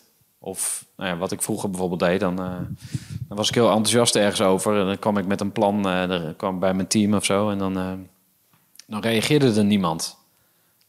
Nou, dat had ik helemaal niet door. Terwijl nu weet ik, als iemand niet reageert, dan zijn ze niet enthousiast. Ja. En als ze wel reageren, dan... Nou, ook niet altijd, maar dan... dus ik, eh, dan, dus, dan ben je dus inderdaad aan het kijken wat er niet gebeurt. Ja, interessant. Ah, Oké. Dus meer vanuit rust en stilte. Ik heb een keer een boekje gelezen dat heette Blink. Ken je dat? First Impressions. Sluit er een klein beetje bij Ja, aan. Ja, ja. Zo van, het zit niet allemaal in de woorden. Het gaat om de indrukken die je krijgt. En daar zijn wij mensen echt eh, heel, heel sterk in, eh, blijkt. Dus in één oogopslag kunnen zien, oh, het zit zo. Of als er dan zo'n intuïtie is van, nee, deze meneer is aan het jokken. Of eh, is het, dat je denkt, nou, dat klinkt allemaal goed wat hij zegt. Maar dan moet je juist leren luisteren naar het van, mm, er klopt hier iets. Want dat heb je dan uit allerlei andere informatie die niet expliciet is. Heb je dat een soort van gedistilleerd of zo. En dat plek durven geven is volgens mij wat je, wat je omschrijft. ja. Maar hoe diep kan je eigenlijk gaan met iemand die je nauwelijks kent, hè? Dat vind ik... Ik, nou ja, ik denk dat dat, ja, ik denk dat dat moeilijk is. Maar ik denk dat het wel iets waar je beter in kunt worden. Want als jij een regisseur bent en je doet niets anders als verhoor, every day, all day, dan is dat wel iets wat je ontwikkelt, denk ik. Ja. Dit is waarom ik in mijn jeugd nergens mee wegkwam. Oh ja, mijn vader was regisseur. Oh, echt? Ja, ja, dus de, de, de- zijn ding was eh, eh, leugens eh, blootleggen. Dus eh, als jong ventje denk je, ah, dit is een grandioos waterdicht verhaal. Ja, nee, echt niet. ik denk dat dat ervoor gezorgd heeft dat ik later zo ontzettend goed werd in liegen. ja, gekkigheid. Nice. Alright. Hey, e- even terug naar dat zwart schildvoorbeeld. Dus eh, enerzijds eh, het verbale woord eh, en weten op welke knoppen je daarmee kunt drukken. Dus enerzijds een heel, was een heel krachtig tool. Ehm, wat is iets wat je gebruikt om, om jezelf te beschermen? Ja, het eerste wat opkomt is weglopen.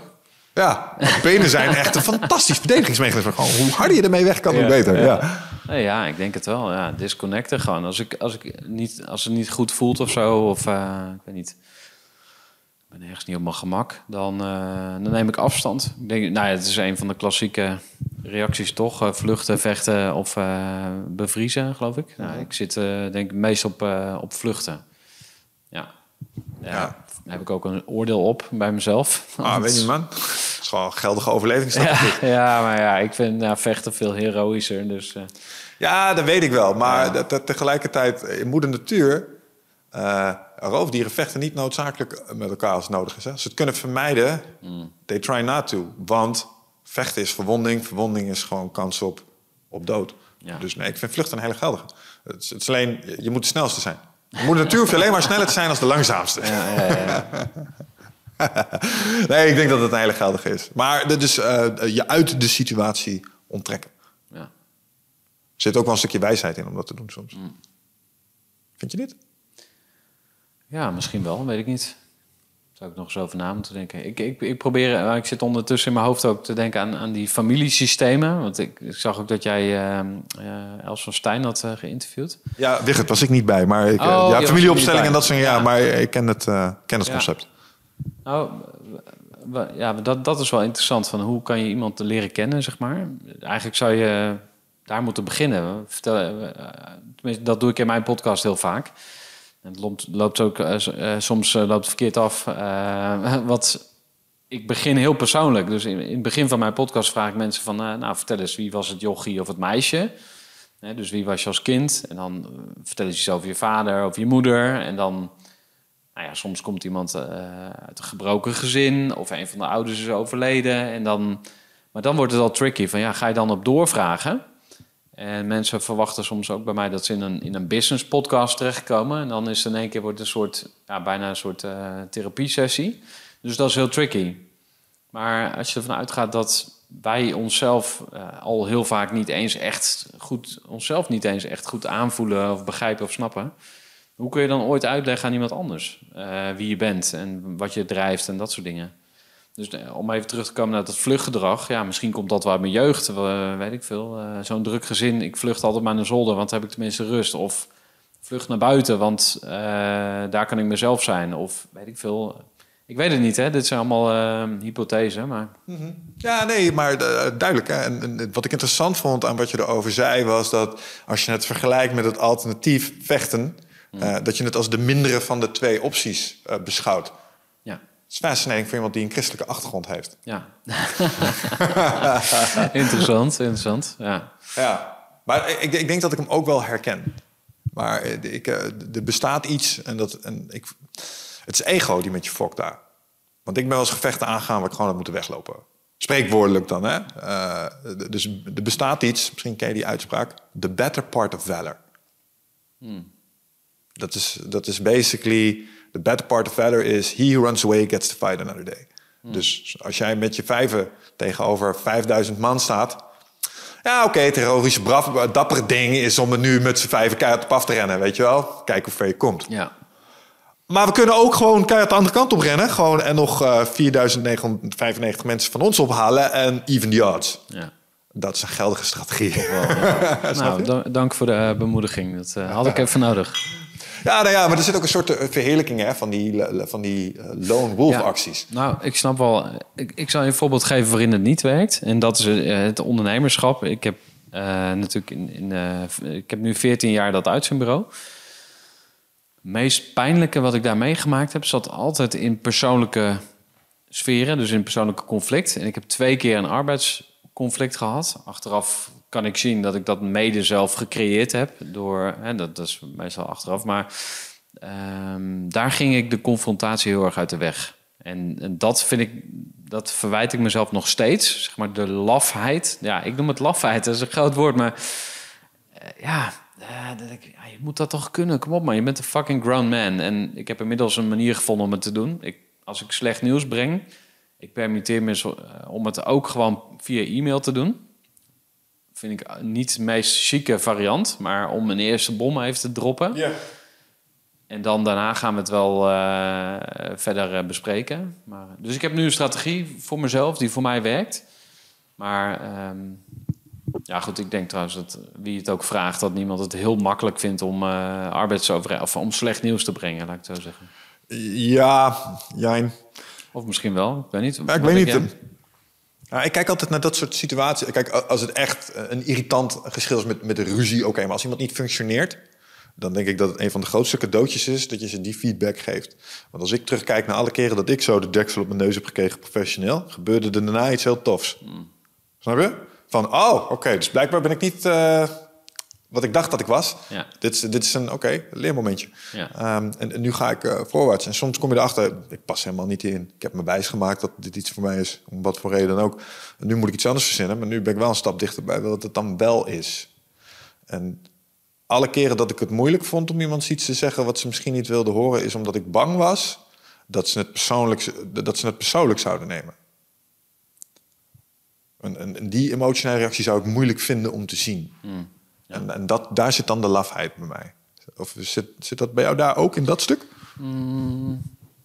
Ja, ik zou het gewoon graag open en eerlijk willen kunnen zeggen, maar ik durf het gewoon dan niet. Dan denk ik van ja, ik wil gewoon Mr. Nice Guy zijn. Dat, dat zit een beetje in die hoek, zeg maar. Van ehm, alles in goede vrede. En dat was bij ons thuis ook altijd van eh, de, de, de lieve vrede, dat was heel veel waard. Dus eh, altijd harmonie en, en nou ja, er heus wel eens eh, eh, borden door, eh, door, door de kamer, maar niet zo vaak. Nou, De, alles een beetje onder het tapijt vegen, zeg maar. Dus ja, Ja. dat verwijt ik ze ook nog. Oké, nou ik... Dat is wat je overdreven, maar dit gaat weer terug naar je jeugd. Misschien zie ik dan dingen die er niet zijn, maar ja, waar komt het vandaan, een bepaald gedrag? Ja. Nou, ik snap het wel. Het is, het is natuurlijk ook heel menselijk. Ehm, maar ik denk dat als je kijkt naar de optimale uitkomst voor beide partijen, dat de zachte heelmeester stinkende wonden analogie wel een goede is. Want eh, die weken dat jij er tegenop zat te hikken, was ook niet goed voor jou. Het had een effect op allerlei andere nevenzaken, eh, die ook weer hun eigen ding zijn gaan doen. Dus hoe eerder je zeg maar, die kogel door de kerk had laten gaan, Ja. op een menselijke manier, ik denk dat die heel belangrijk is, Ehm, hoe beter. Maar dat gezegd hebben, ik vind het ook wel voor jezelf, voor je spreken. Want ja, het is gewoon niet leuk om mensen te moeten ontslaan. Want je zou, je zou ze graag zien slagen. Ja. Dus, maar soms is het gewoon geen match en dan is het oké. Ja, maar met businesspartners, compagnons, dan zijn jullie echt uit elkaar? Vicht en ik hebben het uitgemaakt met elkaar. Ja, Nee, nee, we, zi- we zitten nog steeds. eh, we hebben samen ons eh, supplementenbedrijf verkocht. Ja. Want we wisten allebei, supplementen, dat is niet waar we allebei hartstochtelijk eh, meer over zijn. En daar gaan we ook niet nog vijf jaar in stoppen. Dus dat is verkocht. Podcast, Wicht is gewoon met pauze. Dus die had even podcast fatigue. Ja. En die had even rust. Daar zitten we gewoon nog steeds met z'n tweeën. Ja. Ehm, en wat mij betreft staat die deur wagenwijd open voor hem om gewoon weer, zodra hij zijn kop erna heeft, om ook gewoon weer lekker podcasts op te gaan nemen. Ja. Ehm, dat gezegd hebbende, een van de redenen waarom hij nu zijn podcastpauze ook pakt, is omdat hij heel graag zijn doorstoot naar het internationale podium wil maken. Dus voor hem persoonlijk hoop ik dat hij het zo druk gaat krijgen dat, dit, dat hij hier geen tijd meer voor heeft. Want dat betekent dat hij daar zijn ding aan het doen is. Ja. Ehm, en tegen die tijd denk ik dat hij misschien stopt met eindbazen. Mocht dat nou een spoor zijn waarvan hij zegt, nou, toch voortschrijdend in zich op. Nederland, tof land, ik ga het gewoon lekker daar doen. Ja, dan zou die gek zijn als hij hier... En die optie is er gewoon nog en dat pakken we dan gewoon tegen die tijd op. Dus ehm, hij is op zijn sabbatical, is Ja. het, eh, het kortere antwoord. Nee, dus, maar dat is geen breakaway. Ik zie het wel bij, bij andere ondernemers die met compagnons werken. En dan is de liefde gewoon over, of het sleets geworden, of weet je wel, ja, ga Ah, oké, maar, dan dit, is- dit sluit aan bij wat je net zei. Want Ja. wat Wigert en mij laat werken, is... Want we zijn het echt wel eens niet over shit eens. Hmm. Maar uh, Wigert al helemaal. Ik ben eh, gek genoeg de liefste van ons twee. Het wordt gewoon direct gezegd. Nou, Mick, vind ik gewoon kut. voel ik me niet goed bij en eh, wil ik gewoon niet zo. Ah, ik ben gewoon een beetje, vind het een beetje gaar. Vind, Ja. eh, dit vind ik niet tof meer, dat, vind- dat is weg het. Ja. Eh, en, en gewoon meteen ook, snap je? Soms gewoon in een tekstbericht inderdaad. Gewoon, hij is kut. Oh, Oké, nou weten we precies waar we staan en dan kunnen we ermee dealen. En dan kunnen we zelfs zo af en toe even een beetje geïrriteerd zijn. Maar omdat we het drie- direct uitspreken, Ja. voor mij broeit het dan nooit of zo. En dan kan je het ook gewoon weer hebben van elkaar. Eh, Ik denk een beetje dat dat een... Hij is ook een vechtsporter. Dus dat is wel een cultuurcomponent eh, uit die scene, denk ik. Het is allemaal heel erg... Ja, en dan worden er ook geen, geen doekjes omgewonden. Hè? Van nou, ik wil het even met je hebben over het volgende. Want ik loop al... Hé hey Mick, ik wil gewoon even kwijt. Ik vind het gewoon ruk, man. Gewoon eerst wat, wat je hoort als je binnenkomt. Oké, check. Nice. Ja, en, en, Maar, maar dat laat het wel werken. En dat is niet altijd even makkelijk. Maar dat, ik denk dat het eh, tussen hem en mij... dat het daarom wel werkt. En dan is het soms even koppen tegen elkaar. Maar ja, dan heb je het ook weer gehad. Ja. Wat misschien in het moment onplezieriger is... maar op de lange termijn weer handiger. Ja. Of zo. Ja, en elkaar ruimte geven vind ik als compagnons ook. eh. dus ik kijk naar mijn eigen rol als compagnon. Ik was heel erg... eh, ah, we moeten, ik wilde echt 365 dagen succes. Maar dan vanuit ons, met z'n tweeën echt... in het begin vooral neerzetten. En daar werd hij helemaal... Gast, ga weg man. ik wil gewoon lekker mijn eigen ding doen. Dus je moet op een gegeven moment ook elkaar eh, respecteren... In, in gewenste uitkomsten. Soms moeten mensen even hun eigen ding doen. Kijk, eh, het, het feit dat hij nu zijn internationale carrière wil opzetten... daar had ik ook van kunnen van... ja, kut, en ik dan? Maar ik heb geleerd van, nee, nee, nee, nee, nee. Dit is eh, gewoon, laat hem zijn ding doen. Ja. En, en dan komt hij daar en dan gaat hij shinen. En dat, dat is voor iedereen goed, snap je? Ehm, want daar is hij dan blijkbaar voor gemaakt. Ja. Nou, dat, dat, is, dat zijn wel dingen die moet je over de loop der tijd leren. Maar ja, dus ik, weet niet hoe jij dat ervaren hebt toen jouw compagnons gingen. Vond je dat moeilijk? Nou, toen waren we nog veel eh, jonger, dus dat ging eigenlijk wel goed. Eh, toen hadden we nog niet zo'n hoog bewustzijnsniveau, dus het was inderdaad ook vrij simpel.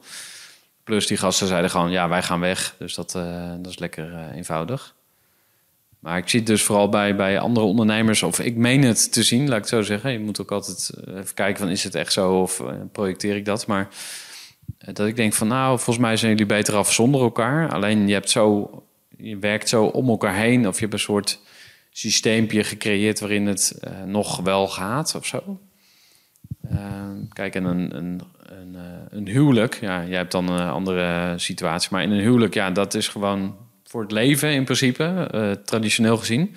Maar een zakelijk huwelijk kan je gewoon, ja, kan je gewoon beëindigen en zeggen van ja, het werkt niet meer. Traditionele huwelijken ook, by the way. Hè? Ja, ik weet niet of je dit wist, maar... eh, Nou, ik heb dus, eh, ik ben getrouwd sinds 2016 en we houden heel veel van elkaar. En ja, natuurlijk denk je ook wel eens, ja, is er nog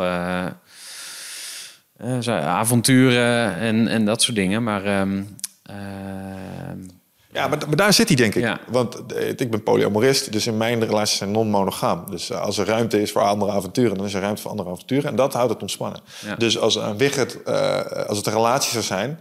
en hij wil graag even iets anders meemaken als de samenwerking met Michel... omdat gewoon hij behoefte heeft aan andere dingen... Oh ja. dan, dan kan ik denken, ja, maar dat heeft niks met mij te maken. Hij heeft gewoon behoefte aan iets anders. Die ik nu even niet kan invullen, maar dat is geen disqualificatie van mij. Dus you go girl, snap Ja, je? nice. Ehm, ja, ik heb op 1 september een event eh, over eh, compagnons. Dus dan ga ik deze misschien ook wel even nog eh, erin gooien. ja, Wat als je buiten je huidige compagnon om nog een beetje wil... Ja, maar, maar nee, Sletten. nee, nee. Wigert, Wigert heeft bijvoorbeeld een side project. Toen op een gegeven moment Casper van der Meulen, een van onze eindbaasgasten, is hij uit de grond gaan trekken. Ja, ik, misschien mede door mijn relatie. Ik word daar dan niet jaloers van of zo. Ik denk dan, ja, tof, logisch, ga gewoon lekker doen. I get it, jullie passen goed bij elkaar. Doe je ding. Ja. Ja, nou, dat is een houding die je daarin kan aannemen. En dat maakt het leven wel makkelijker. Ja. En van wie heb je dat geleerd dan? Dat groothartig, eh, ruimhartig denken? nou, ik zou dat... Zit dat gewoon in je? Of, eh? Nee, ik denk dat dat een direct resultaat is van deze podcast.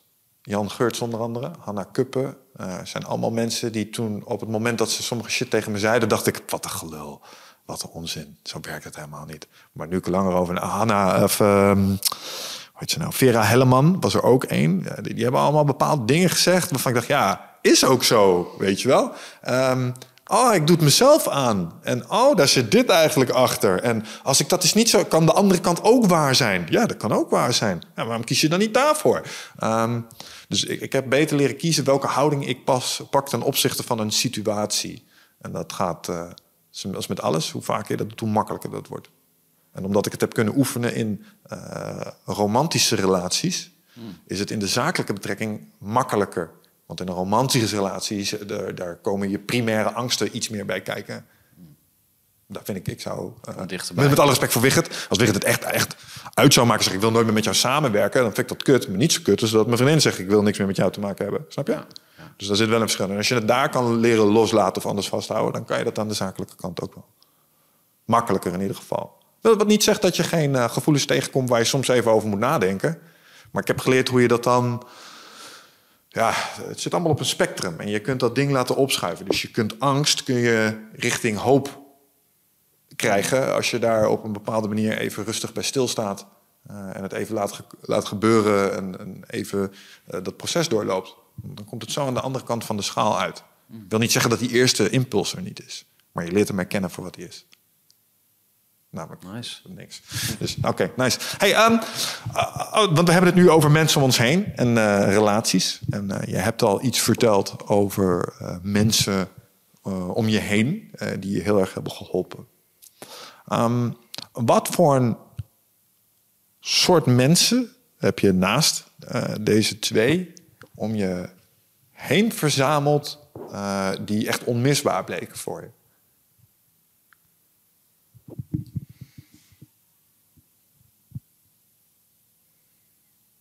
Um, ja, noemde hem al eerder even, maar Isa, mijn uh, salsa maatje, die is wel onmisbaar gebleken. Maar Ja. dat is vooral omdat hij uh, zeg maar, mij in een andere uh, hokje trekt, zeg maar. Dus in plaats van het business en eh, weet ik veel, zoveel mogelijk eh, succesvolle relaties bouwen met mensen op LinkedIn of whatever. Maar gewoon het hele business domein. Maar hij trekt me dan even naar dat andere dingetje. Ehm, ja, mijn dochters misschien. Ik weet niet. Voor mij is dat een hele pure bron van leven gewoon. Dat, die, die zijn gewoon, die leven, die denken niet de hele na. Weet je, dat is zo fucked up als je de hele dag nadenkt. Heel vermoeiend. Ehm, gelukkig kan je leren om het een beetje uit te zetten. Maar uh, nee, dus die meiden denk ik. Uh, Fine en Meerte. Mijn dochter Fine die kan ook al de tune van Groeivoer uh, zingen. Dus oh, grappig, ja, leuk. mijn vrouw die wil geen podcast, die, wil mijn die luistert mijn podcast niet. Dat is al een pijnlijk dingetje. Maar uh, uh, mijn zwager die zei, ja, hoe beter je podcast inhoudelijk is, hoe minder mensen luisteren. Want mensen willen gewoon entertainment, bullshit, popcorn, Even heel... Uh... Achterklap, roddel. Ja, nou ja, maar, kijk maar de Juice-kanalen... maar ook gewoon de, de podcasts die nergens over gaan... die scoren het best. Ja, oké, okay, maar... Ding. Ja, oké, okay, ja, sure. Behalve die van jullie. Maar, nou, dat ligt, kijk, ligt, er, ligt er wederom aan. Ik denk het wel, maar als ik naar mijn eigen podcastgedrag kijk... ik zit altijd in niches. Altijd in hele specifieke kennishoeken... die echt ergens over gaan. Ja. Want, uh, anders kan ik net zo goed naar de tv gaan kijken, man. Ja. Want ja, dan, daar hadden we die shows, dat noemden we Ja. talkshows. En dan zat je naar Jens te kijken en zo. Want daar kwam die prut voorbij. En dan voelde ik me altijd een beetje domme na de tijd. Snap je? Ja, ja dus... ehm, nee, dat zijn de mensen die opkomen. Ja, wat, wat, wat zeggen andere gasten? Wat zou jij verwachten? Nou, nou de, re- de reden dat ik het vraag is omdat... ehm, wat ik probeer te laten zien aan mensen die hier naar luisteren... ehm, want er zijn mensen die kijken en denken... die Gerrit heeft het fucking goed voor elkaar, man. Snap je? En, en die feedback krijg ik ook wel eens. Hoe doe je het toch? Weet je wel, hoe krijg je dat nou uit je vingers? Nou, dat is het eerste wat ik probeer te zeggen. Dat doe ik niet allemaal alleen, hè? Ja, dat zijn, ja, maar ja, precies. Maar dat zijn dus wel 10 of 20 mensen. Ja. De- Dus dan zou ik een hele lijst moeten gaan opnoemen. Maar het zijn altijd eh, heel veel mensen. Om, zeker als je naar ondernemen kijkt, dat is zo complex. Er zitten zoveel puzzelstukjes in, zeg maar. En het liefst willen het allemaal plat slaan en zeggen: ja, dit zijn de top drie succesfactoren. Maar het zijn altijd. Natuurlijk zijn er altijd een paar die er bovenuit stijgen. Hè? De, de Pareto-principe, 80-20, et cetera. Maar, maar die andere die heb je er ook allemaal bij nodig. Dus weet ik veel, we hadden in onze raad van advies bij eh, het bedrijf, eh, zoals het toen heette, Mijn Student. Want zo zijn we begonnen met studentenklusjes. Eh, hadden we Bert Hobbelink. En hij was toen bestuursvoorzitter van eh, DTZ Zadelhof. Dat was een eh, makelaarskantoor. Dus hij was een hoge oma. En wij waren van die studentondernemertjes. En in oktober of november heb ik weer een afspraak met Bert. Dus die, die kijkt al bijna 15 jaar mee. Dus dat, dat vind ik eigenlijk wel mooi. Mensen die heel loyaal zijn en die jarenlang, jaar in jaar uit, jou zien ja, verouderen, maar ook zien ontwikkelen en rijpen en, en, en veranderen. Ja, dat, ehm, dat is ook wel iemand die opkomt. Ja, sowieso die, die ehm, mensen die je nog een tweede kans geven. Dat vind ik, of een derde of een vierde of een vijfde. Dat vind ik ook wel mooi. Dat, Wat, wat voor dingen doe jij dat, dat jij Ja. een zesde kans nodig hebt? Ja, nee, maar eh, nou, ik kan wel zeggen dat ik heel anders was vroeger dan nu. Eh, bijvoorbeeld, ja, dat is logisch. Maar toen ik bijvoorbeeld eh, 2018 of zo was ik echt het ondernemertje. Dus een, een, een eh, nou, gewoon een, een een, eh, een eh, pochetje. Ik vond mezelf, nou, ik vond mezelf niet eens heel geweldig of zo, maar ik, ik speelde veel meer een rol van de succesvolle ondernemer. En de mensen die mij nog kennen uit die tijd, die zullen als ze nu met mij spreken een heel andere Gerard ervaren. Veel, veel geaarder, eh, weet ik veel. Ja, ik vind zelf een leukere Gerard. Alleen ik denk dat er ook mensen zijn die die transitie niet kunnen maken. Of die mij nog steeds zien als die persoon die ik toen was. En dat vind ik eigenlijk best wel pijnlijk. De, ja, op een of andere manier denk ik dan van ja, maar ik zou willen dat je me echt kende. Maar jij ziet mij nog als hoe ik toen was. Maar dat weet ik niet, dat vul ik ook in. Hè? Dat is een beetje... Ja, box. of ze zien de verandering en ze zien hun eigen gebrek aan verandering en dat vinden ze vervelend. Dat zou kunnen. Dat Maar ik heb het niet gecheckt, dus dat zijn, zijn nog steeds wel aannames. Nee, nou, ik weet niet. Ik moest, ik moest direct denken aan... eh, de, ik ben personal trainer geweest. En dan eh, help je mensen met een vitaliteit. En dan hoor je van die vader... Ja, ik, ik ben lekker aan het werk. Maar nu begint ineens... eh, mijn vriendje begint moeilijk te doen. Het komt ineens met pizza's aan en zo. Alsof ze het niet kunnen hebben. eh, dat, er, dat, dat je aan jezelf aan het werk bent. En dat zij een soort van achterblijven. En daar komt angst een soort van uit voort. En ja, weet niet, moest ik even denken toen ik dat hoorde. Ja, Dat soort ja. mensen zien je en denken... Oh, die gast is geëvalueerd, man. Ik niet. Ik doe nog steeds wat ik... Maar en dan moet je disqualificeren, want anders betekent het dat jij gefaald hebt. Ja, ja, ja. of zo. Ja, nee, Nee. Ik, ik snap hem wel. Nou, in het verlengde daarvan, ehm, want, want we hebben het een klein beetje over eh, bondgenoten gehad. We hadden het er straks al een klein beetje over vechten. Ehm, als je onderneemt, dan krijg je ook te maken met eh, concurrenten. Of eh, eh, mensen die hetzelfde willen als jij. Dus er is eh, sprake van een zekere maken van competitie. Je hebt een prijs gewonnen. Er waren meer podcasts in de race. Ehm, heb jij in dat opzicht rivalen? Of een echte antagonist? Een goede film heeft altijd een antagonist. Een Ja. bad guy. Ja, ik... ehm,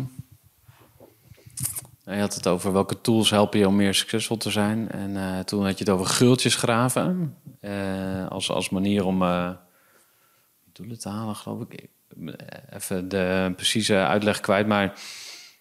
ik dacht van, ik, ik heb eigenlijk als ik mijn doelen, of als ik mijn doelen wil halen, of meer plezier wil hebben in het leven, of, of in ieder geval ergens wil komen waar ik wil zijn, dan moet ik oogkleppen dragen. Dus, want ik heb juist dus heel erg veel eh, afleiding van rivalen. Dus dan zie ik Ilko de Boer, die springt op, ehm, ik noem maar even wat, eh, Clubhouse. En die heeft dan 50.000 volgers. En dan denk ik, ah, eh, ik kom niet eens in de buurt, weet je wel. Of ik zie, nou, toen ik begon met mijn podcast was Thijs Lindhout. Die had een hele succesvolle podcast. En zo heb ik altijd van die mensen die mij triggeren. Dus dan moet je natuurlijk bij jezelf te raden gaan. Waarom ben ik hierdoor getriggerd? Dus, maar ik heb nu, mijn strategie is gewoon mensen ontvolgen die mij triggeren. Want ja, ik heb er niks aan. Ik, je kan zeggen van ja, dat, da- dat daagt je uit om beter te worden. Maar eh, Ja, want dat zou de achterliggende vraag zijn. ja. Doet, wat, wat doet het met je en kun je dat misschien in je voordeel laten werken? ja, misschien wel. Maar ik vind dat ik meer op mezelf moet focussen. Gewoon teruggaan naar mezelf. Wie ben ik? Wat, wat, wat staat mij te doen? Waartoe ben ik hier op aard? Hè? Dus eh, hoe je dat ook eh, interpreteert. Sommige mensen zeggen, ja, God heeft mij geschapen om, weet ik veel. Of ik heb een roeping, of eh, waar je het ook vandaan haalt. Maar waarom ben ik hier? En daarna teruggaan. En dus je niet laten afleiden door allerlei shiny objects, zeg maar, van anderen. Ja, Ja, ja, ik vind het wel mooi. Ik vind, ik vind het ook wel puur. Ehm, maar ik, ik, merk, zoek je die, ja, ik merk dat het soms gewoon dingen doet. die edge. Gewoon even kijken. En denk Ja. van, hmm, oké, dat is duidelijk eh, een stukje verder als ik. Ja. We're not there yet. Ja, ja, ja. Want je kunt ook een soort complacent worden als je denkt, nou, we hebben toch wel, we hebben 20.000 volgers op fucking YouTube. Dat is mooi. En dan kijk ik naar een, een YouTuber waar ik heel veel erg fan van ben, Spiffing Brit. Die maakt computerspelletjes kapot. Mm. Ja. 5 miljoen volgers. Ja. Oké, back to work, Mich, weet je wel? Maar dan moet je dus, ja, maar dan, eh, dan heb je dus een filter nodig. En het filter is in dit geval kan ook gewoon tijd zijn. Dus je ziet iets, je wil het, maar wil je het na een dag nog steeds, na een week, na een half jaar, eh, whatever. Dus eh, als het iedere keer terugkomt, dan wil je het blijkbaar echt. Dus eh Ilko de Boer, waar ik al een paar keer aan heb, die, die riep van echt goede ideeën die schreeuwen tegen je. En zo is het dus ook, denk ik, met als je naar anderen kijkt, de inspiratie of competitie, of ja, hoe dat ook voor je werkt. Ehm, ja, tuurlijk, om, eh, goed om, om getriggerd te worden en om dingen daaruit mee te nemen. Maar zijn het echt de belangrijke dingen? Ik bedoel, ik zie jouw camera hier, denk oh ja, dat is een 4K-camera. Ja, die heb ik niet. Ja, die moet ik eigenlijk ook hebben. Is het echt belangrijk? Nee. Nee, man. Oké, laat maar gaan. Nee, audio on- only zou het ook doen. Nou, ja. Nee, nee, ik snap het. Ja, oké. Maar ik merk dat ik eh, in mijn ondernemerschap, ik ben er wel eens, eh, ik ben er wel gevoelig voor. En, het is soms ten voordelen en soms ten nadelen. En ik, ik probeer nog voor mezelf, kijk bijvoorbeeld in het kickboksen, heb ik rivalen gehad. Snap je? Ruben is er één van. Ruben trainde ook Rocky Fit. Ruben was een grote dude net als ik. En Ruben die kon me een pak slaag geven. Soms was ik aan het trainen, dan dacht ik aan Ruben. Weet je wel? Zo van, dat gaat niet nog een keer gebeuren. dus het heeft, het heeft ergens ook wel iets, iets drijvends voor me... om andere mensen hetzelfde kunstje als jij probeert te doen... op een betere manier te zien doen... omdat het je een soort van inspireert tot eh, Ja. wat zij kunnen. Maar misschien, ja, stel wij zouden aan het front eh, vechten. Dan zou jij, denk ik, die dude zijn met een enorme mitrailleur of weet ik veel wat je zou doen. Maar je, jij zou. jij. Sorry? Maar jij bent die strijder. Ja. Nee, gek. Ik Wat? ben die gast die thuis eh, in zijn kelder zit. Zo de Nee, maar stel, we worden allebei opgeroepen, dus we kunnen niet onderuit. Ja, Wat ga jij dan doen? Wanneer ben jij in je kracht? Ja, eh, ik heb, ehm, ik heb geen enkele illusie over hoe dat verhaal zou aflopen. Als jij en ik naar het front werden gestuurd, ik, zou, ik, heb, ik heb sportpaintball gedaan. Dus eh, toernooitjes, sub-air en dat soort. Ja, dingen. ja. En iets wat ik daar echt leerde is hoe ontzettend snel het zou zijn afgelopen met mij in het echt. Oh ja? Ja, ja, ja. ja, ja. Oké. ja vooral toen ik begon. Ja, je loopt zo tegen een paar van die paintballs op. En dan, eh, oh, dit was het geweest in het echt. Ja, ja, ja. Dus eh, de, nee, ja, dat, Maar toch, je gaat het aan, hè? ja.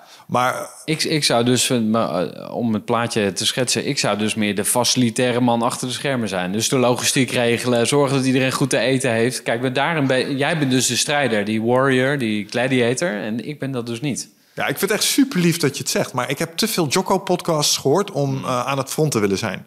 Omdat dat is het ding. Iedereen die naar actiefilms kijkt, denkt... Kijk, weet je wel, ah, glorieus, de strijder. Ja. Maar als je die echte verhalen hoort over hoe, hoe het gaat... Nou, ik vraag me af of ik dat in mezelf kan vinden... om zo dapper te zijn. Ja, ik ben een lange gast van twee meter... die er op een bepaalde manier van zich af kan kijken. Maar ik denk dat je ware aard op dat moment heel erg wordt blootgelegd. En ik heb wel eens tegen overwhelming odds gestaan in, eh, in de vechtsport. Tegenover een, een jongen waarvan je weet... deze kan mij makkelijk aan. Ah, dan, dan zit er ook wel angst in mij hoor. Dan, eh, dan ben ik ook wel. eh, dan let ik op me tellen. Als ik denk iemand kan mij fysiek echt aan aan. Dan, ben ik niet zo, dan heb ik minder bravoure of zo. Dus er zit ook wel. Dus ik, nogmaals, ik waardeer dat je het zegt, maar ik Ja, moet wel ja, ja. realistisch blijven. Ah, grappig. Dat was een mooi verhaal van Dennis van de Geest. Die vertelde dat ook. Die eh, moest het, eh, was bij Giel Robelen in de podcast. En ehm, Dennis van de Geest die, die moest tegen een Turkse gast vechten. Die was 145 kilo of zo. Die was echt nog 20 kilo zwaarder dan Dennis. Dennis is ook eh, heel groot. En, maar Dennis van de Geest die was dus altijd bang voor die Turkse dude. En toen bleek dus achteraf dat die Turkse dude ook bang voor hem was. Maar dat wist hij helemaal niet. Ja. Maar dat kreeg hij dus toen pas te horen. Ja. En zijn oplossing was, eh, zie de angst onder ogen. En dan, dan, dan komt het wel goed of zo. Zoiets was het. Ja, ja, ja, nee, ik Heb je hem al gesproken of niet? eh, de- Nee, nee, die staat nog op het. eh, Oh ja? eh, op het misschien dat ik die deur ga openen, want binnenkort komt een van zijn conculega's. Zijn naam Ruben wil ik zeggen. Ook een hele grote judoka. Die komt langs om eens even mooi over de judo te spreken. Ja. Ehm, maar dus nogmaals, als, als ik dat als voorbeeld zou nemen, dan, nee, dan herken ik wel bij mezelf dat ik. ik weet het niet 100% zeker, laat ik het zo zeggen. De hoop is natuurlijk dat je Ja. onder zulke omstandigheden dat overwint. Maar tegelijkertijd, ik maak me geen illusies dat wat wij in de film zien. eh, ja, man, Nee. dat, dat benadert dat niet. En dan, en dan naar het ondernemen. Want zou je dan zeg maar ook, dat zou, ik, ik weet het niet, hè, maar dat zou wel interessant zijn als je een soort typologie van ondernemers hebt. Van oké, we hebben strijders, dat zijn echte Ik wil die Jits eh, Groens van deze. Ja, ik weet niet of dat een goed voorbeeld is. Maar je hebt zeg maar de echte beukers die gewoon. Die komen in de krant. En dan heb je nog. Nou, weet ik veel. Misschien ben ik wel te bescheiden voor het ondernemerschap eigenlijk. Hè? Dat zou je kunnen zeggen. Eh, of te, te lief, laat ik het zo zeggen. Goed, dat is allemaal eh, een definitiekwestie. Want er zijn 2 miljoen ondernemers in Nederland. Iedereen wil miljonair worden tot het tijd is om dingen te doen die miljonairs moeten doen. En ik ben geen miljonair. Snap je? Dus de, blijkbaar ben ik niet zo'n beuker in, in dat opzicht. Maar ik denk wel dat alle archetypes die we in alles in het echte leven tegenkomen... zoals de krijger, de koning, de tovenaar, de joker... eh, al die dingen, die zouden we denk ik heel goed kunnen mappen op ondernemers. Ik denk dat die opgaan, zeker. En, en je wisselt tussen die posities afhankelijk van waar je in zit... en hoe je je voelt natuurlijk. Ja. Maar ik denk wel dat je één soort hoofdklasse hebt. Die, eh, bij mij. ja. Ik hoop de tovenaar. Hoewel de eerste indruk natuurlijk die van de krijger is, want een bepaalde mate van directheid. Ehm, maar in de archetypes zijn tovenaars de mensen die het met kennis oplossen. En als ik moest kiezen tussen grove kracht of, of eh, kennis en techniek, dan ging ik voor techniek, gelet op waar we het er straks over hadden. Omdat ik weet dat je als 80 kilo wegend eh, persoon een 120 kilo wegende persoon kunt overwinnen met techniek. En dat is kennis. Dus ik geloof ergens dat, dat die daar zou zitten. Dat gezegd hebben, onderschat nooit het vermogen van een gezond stukje agressie in dat opzicht. dus ik denk dat het een dual class is. Ik weet niet of je computerspelletjes kent. Eh daar kan je ook je soort poppetje kiezen. En dan kan je dus soms ook twee tegelijk zijn. Oh, ja. Dan is één de hoofdmodus, Oh, zeg maar. ja. Dus dan ben je een dual class. Ja, dan zou het misschien eh, een beetje daar eh, in terechtkomen. Hoe, waar zou jij jezelf plaatsen in dat spectrum? ja, de koning wat... is de, is de, de benign ruler. Dus eh, als jij een, een goed directeur bent van een, eh, be- van een bedrijf met een aantal mensen, dus je regeert over een, een koninkrijk, ehm, dan is een goede koning is iemand die voor zijn mensen zorgt, lange termijn strategieën heeft, zorgt dat er eh, genoeg eten, drinken, dat soort dingen is. Dan heb je ook nog de tiran en die gaat alleen voor zichzelf en zo. Dus, Ja, die koning, dat klinkt wel aannemelijk. Ik moest even denken, 6 oktober eh, hebben we ook weer zo'n groeiclub bijeenkomst. En dan is het onderwerp storytelling. En dan gaat het dus over eh, wie ben je in je eigen verhaal. Dus het gaat ook een beetje over die, die, die reis van de held. Je hebt zo'n boek, eh, dat heet ehm, De Rode Draad van je leven. Dat is geschreven door een dame. Ik kan even niet op haar naam komen, maar zij, zij komt die dag spreken. En dan gaan we eigenlijk kijken van welke verhalen heb je tot nu toe over jezelf verteld en hoe zou je jezelf opnieuw kunnen uitvinden. Dus je, je zit jezelf altijd in een bepaalde rol te drukken, zeg maar, wat ik ook doe van, ah, ik ben eigenlijk, eh, ik zit mezelf eigenlijk in een soort underdog rol te praten, terwijl misschien hoeft dat helemaal niet. Waarom zou ik niet gewoon een koning zijn en daar trots op zijn en dat omarmen? of is het verhaal, Ja, of is het verhaal niet dat je de koning aan het worden bent? Oh, oké. Snap je? Ah, want dat is, dat is waar. Het, verhaal, het is eh, zeg maar de classic fantasy trope. Is de nitwit in het boerendorp. Die door een tovenaar eruit wordt gehaald. En ineens een heerser, koning, de avatar, the one blijkt te zijn. Dat is de klassieke verhaallijn. En dat is een beetje elke fantasyfilm. Ja, En daar in die transitie, ja, ik denk dat je daar zit dan. ja. Nou, bij deze vast uitgenodigd. Ja, ja, leuk, My leuk. treat, my treat. Nou, ik, eh, eh, in dat opzicht, ja, ik weet niet of je het. eh, ik probeer vandaag die, die monomythe eigenlijk ook als een soort template over dit gesprek heen te leggen. Want de dingen die we tot nu toe hebben besproken, omdat ik, ik vind het tof dat je eh storytelling want ik denk dat dat hoofdpatroon is het patroon. Ik denk dat dat patroon het antwoord is op alles. Want dat patroon is, even terug naar het christendom. Storytelling is dus de klassieke heldenreis. Het verhaal van Jezus Christus is de klassieke heldenreis. En dat gaat over offers brengen voor anderen om de wereld beter te maken. En, ik, en daar zitten standaard stapjes in, met standaard onderdelen. En in elke context waar jij zit, kun je die gebruiken om de puzzel op te lossen. Want dat verhalen vertellen je al wat je moet doen. Komt door die, de Bijbel staat vol met instructies. Ja. Wat doe je in situatie X? I don't know man, what would Jesus do?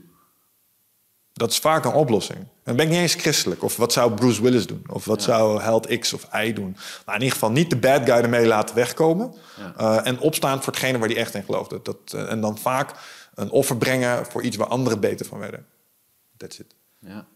En daarin... Oh, maar het is wel interessant dat we dat dan vergeten zijn. Hè? Dus die, of we bedoel ik dus wij ondernemers, als wij een probleem hebben, dan verwachten we het antwoord. Ik in ieder geval verwacht het antwoord uit een managementboek. Eh, weet ik veel, eh, iets over time management of over focus of over mindset of eh, allemaal dat soort dingen. Maar ik zou niet zo heel snel teruggaan naar archetypes en naar waar jij het over hebt. Ja, toch denk Dat- ik dat daar, daar, daar de oplossing altijd ligt. Ja. Want, oké, laten, we, laten, we, een voorbeeld nemen. Ehm, aan de hand van een vraag. Stel je voor, hè, want een van de onderdelen van de monomythe... eh, we, we hebben het net gehad over antagonisten. En eh, mensen die je voor de voet lopen. Het zit ook in elk verhaal. Maar in elk verhaal zit ook iets groters, zeg maar. Je hebt, de, je hebt de, de, de handlanger van het kwaad, maar er zit ook iets achter. The devil. De big ass thing. En een van de strategieën die dat gebruikt om jou van je pad af te halen... is verleiding. Ja? Dus stel je voor, ehm, ik ben de duivel. En het is nu mijn doel om jou bij je grote werk weg te halen. Ik geloof in iets dat heet het grote werk. Jij bent hier met een reden, je magnum opus. Je bent hier om shit te doen, dus ga maar doen. Ehm, maar er zijn ook dingen die willen dat niet, want dan zou de wereld beter worden. Ja? Dus dat is het uitgangspunt. Dus ik ben de duivel en ik wil niet dat jij je ding komt doen, want dan wordt de wereld beter. Wat doe ik om jou af te leiden? Wat is jouw verleiding? Waarmee, waarmee haal ik jou weg bij, van je pad? Waarmee lok ik je het woud in? Ja, dat zijn dan denk ik toch. Of wat er bij me opkomt, dat zijn toch de shiny objects. De, de, de, de, de dure auto, de nou, kleren of zo, dat boeit me steeds minder. Maar eh, het succesvol willen zijn in de ogen van anderen. En ehm, ja, waartoe ben ik hier op aard? En Dat is een, dat is een andere vraag natuurlijk. Maar er even vanuit gaan dat dat waar is. En dat er misschien iets zou kunnen zijn dat je daarvan probeert af te leiden. Dan zeg je eigenlijk materieel. Dus materiële winst. Ja, ja, met name. Ja. ja, want dat geeft dan de hele tijd een soort eh, ruis voor mij op de lijn. Dat ik denk van ja, ik moet daar heel, de hele tijd mee bezig zijn met verdienmodellen en met optimalisatie. En, ehm, maar goed, eh, het is, het is niet of-of, hè. Dus je hebt eh, dat geld ook allemaal nodig natuurlijk om, eh, om allerlei dingen te doen. Maar ehm, Ja, maar dat is het. Je hebt, een, je hebt een, dat wat je minimaal nodig hebt en je hebt de overdaad. ja, De duivel doet nooit met net genoeg. Hè? Het is altijd lash. En, alles in overvloed van dat ene ding dat je zou. Maar dat is dus geld in dit geval. ja, Oké. ik denk het wel, ja. Ja. En, en wat zijn... ehm, hoe, hoe breng je die stem eh, tot stilte? Dus als de duivel aan je oor staat te fluisteren, wat zeg je dan tegen hem? Ehm, nou, wat, wat bij me opkomt is... Ja, dat is misschien heel raar om te zeggen, maar klein is ook groot. Hè, dus ik zoek het altijd in de grote dingen. Van, Ja. eh, ik, eh, ik heb de Groeiclub voor Ondernemers. Nou, dat is mijn mastermind, zeg maar. Ik heb dan zoiets van, ja, ik moet wel groot denken. Wat jij dus eh, ook... eh, en waar ik in principe ook achter sta. Hè, maar dan denk ik, ja, ik moet eh 10.000 leden hebben. En dan denk ik van, ja, maar als ik nou voor 30 of 40 mensen het verschil kan maken... of in ieder geval een klein zetje mag geven in de goede richting... dan is het toch ook goed? Dus klein is groot. En ook als ik met mijn kindjes speel in de speeltuin... die kleine momentjes, dat is het. Je had het toen we hier in het golfkarretje hier naartoe eh, zaten... had je het over wat betekent de naam van dit landgoed? Kan je dat nog eens vertellen? Jürgen. Ah, overigens, eh, één Ja. kleine techniek. Waar kun je de microfoon ietsjes... eh Oh, pardon, is een beetje een fout. Ja, perfect. Eh, Nee, Beter? gaat wel goed, Ja. maar ik zag het toevallig, dus vandaar. Ja. Jürgen. Jürgen eh, is een, eh, eh, het gevoel dat je krijgt als je bijvoorbeeld een zonnestraal door de mist op een paar bladeren ziet vallen in het bos. En dat je denkt, wauw, dat is echt mooi. Zo'n gevoel van verwondering. Waarbij je even, dat is Jürgen. Ja, ja. dan, dan denk ik aan, aan contact maken met eh, God of het universum... of gewoon het, zien wat er echt toe doet, zeg maar. Dus dat, dat hoor ik wel eens, hè, dat je dan... Je leeft gewoon je leven, eh, misschien in een soort waas of zo. Maar eens in de zoveel tijd krijg je een, een kijkje in, in wat er echt is of zo. Of eh, waar het echt om gaat. Dus daar moest ik net aan denken. Van, Ja. ja. Ja, ja ik, denk, nou, ik denk dat dat de antidote is. In, in dat opzicht. Want het, het verleidt je met dingen die als je ze hebt... Ja. Want als je meer centjes hebt, dat, dat is wat ik daar straks zei. Als je terugdenkt aan alle toffe dingen, daar staat nooit zoiets bij. Er staat nooit bij, oh, ik had die factuur van zoveel verstuurd. Komt er gewoon niet in Nee, voor. nee. Even in het moment dat ik het doe, voor twee minuten. En then it's on to the next one. Dus, Ja. ja. Oké, interessant. Maar, maar die, die verleiding ehm, van het, materiële counter je dus eigenlijk, als ik hem goed begrijp, door jezelf te herinneren Ja. aan wat er echt toe doet dan. En dat is dan blijkbaar niet Ja. dat financiële. Ja, en toch zou ik het lastig vinden, op dit moment in mijn leven nog lastig vinden om een, om een, een Kia Rio te rijden of zo. Omdat ik dan toch denk, ja, ik wil natuurlijk een BMW, want dan kunnen mensen zien dat ik toch wel succesvol ondernemer ben. Ja, ik vind het echt heel grappig. Maar mijn auto is nu nog cabrio. Gaat binnenkort naar de, uh, hoe heet dat? is end of life, dat ding. En dan is het, wat wordt de volgende? En ik heb mezelf gezegd, de goedkoopste elektrische wagen die ik kan vinden. Ja. Oh ja. Gewoon geen statusbak. Ja. Nou, Status er af. Ja, maar vind ik ook moeilijk, want ik herken hem heel erg. Want dan kom ik straks ergens aanrijden. Ja. En dan denk je, ja, maar deze meneer geeft toch trainingen in Ja, uh, uh, persoonlijke effectiviteit, leiderschap en zo. Ja. Que pasa? Ja. Ja, maar dat is dus bullshit. Ja. Nou, ik ga het nog eens heroverwegen. ik voel dat ik er nog niet klaar voor ben. Dus, uh, nee. nee, nou ja, nee, daar geen enkel probleem natuurlijk. Um, even terug naar uh, dingen voor elkaar krijgen. Het gaat niet altijd goed. Ja, soms geef je toch een verleiding. Soms lopen mensen je voor de voeten. Soms uh, faal je gewoon. klap je keihard uh, aan, je, aan je muil. Um, wat zijn negatieve dynamieken die je soms moet doorstaan als je kijkt naar je interne uh, belevingswereld? Dus uh, bijvoorbeeld jaloezie, we het net over. Kijk je naar, iemand anders en denk je, fucker, hij heeft het wel. Wat maak je daarin mee? Hmm. In de business of uh, privé? Of, maakt niet ja, in, de, in, in, de kunst van, de, waar we het straks over hadden, dingen voor elkaar krijgen. Dus ja. uh, of het nou goed vader zijn is, een toffe podcast runnen... of uh, het beste uitzendbureau ter wereld hebben. Ja. je komt daarin ook tegen negatieve dingen loop je aan. Wat, wat loop jij tegenaan daarin? Ja, um, nou, ik sta te open, denk ik. ik had een coach, en, ze heet Karin... Karin Verhagen van de Growth Factory. Hele, hele fijne vrouw. En zij uh, zei tegen mij van Gerard, je hebt, een, je hebt mensen met een open systeem. En je hebt mensen met een gesloten systeem. Nou, of het is, uh, kunnen we verder... Uh, of hoe dat precies zit, kunnen we nu... zou ik nu niet wat dieper op in willen gaan. Maar je hebt een open systeem. Het mooie daarvan is dat je overal open voor staat. Je, je kunt met iedereen connecten. Je vindt allerlei ideeën interessant. Je bent een soort uh, explorer die ook overal uh, zijn, uh, zijn kennis en inspiratie vandaan haalt. Maar het nadeel is dat je niet filtert. Dus dat is wat mij nog wel eens parten speelt. Dat ik veel te open sta. Dus ik ben de hele tijd met de hele wereld om me heen bezig. Ja.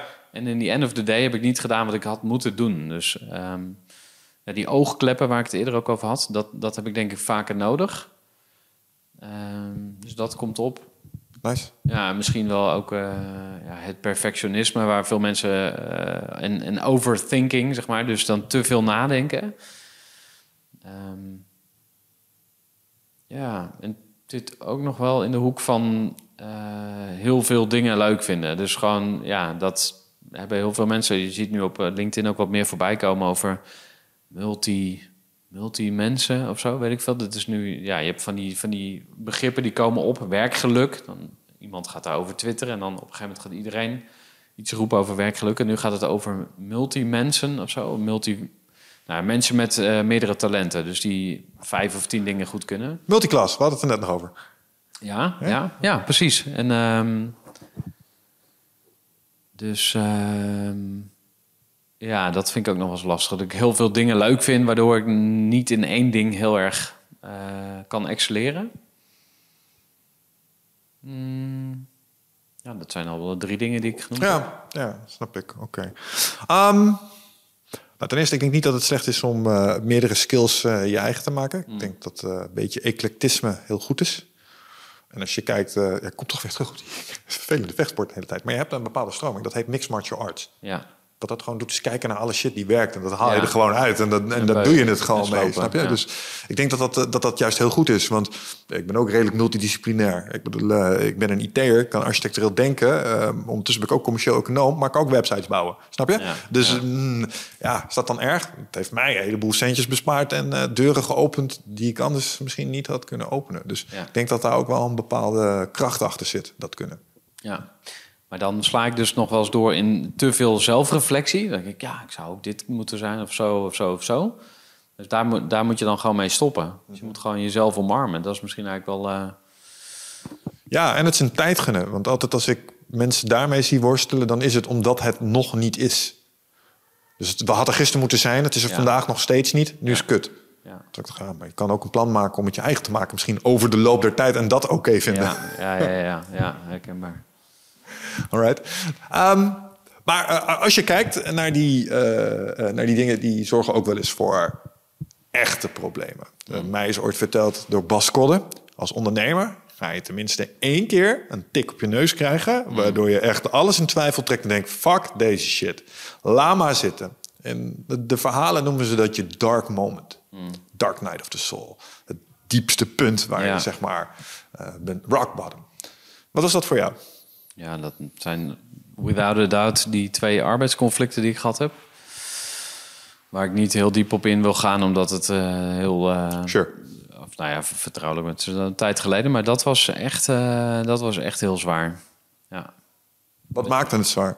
Ja, ik, ik, ik, ik vind die persoon dat de harmonie, dat, dat zit zo in mij, zeg maar, dat ik gewoon in een goede relatie wil staan met mensen. En als dat er dan niet is, dan moet je ja, allerlei spelletjes gaan spelen, zeg maar. En eh, dubbele agenda erop nahouden. Of nou, weet je, als je gewoon niet echt eerlijk kan zijn en niet kan, kan zeggen hoe het echt zit, Ja.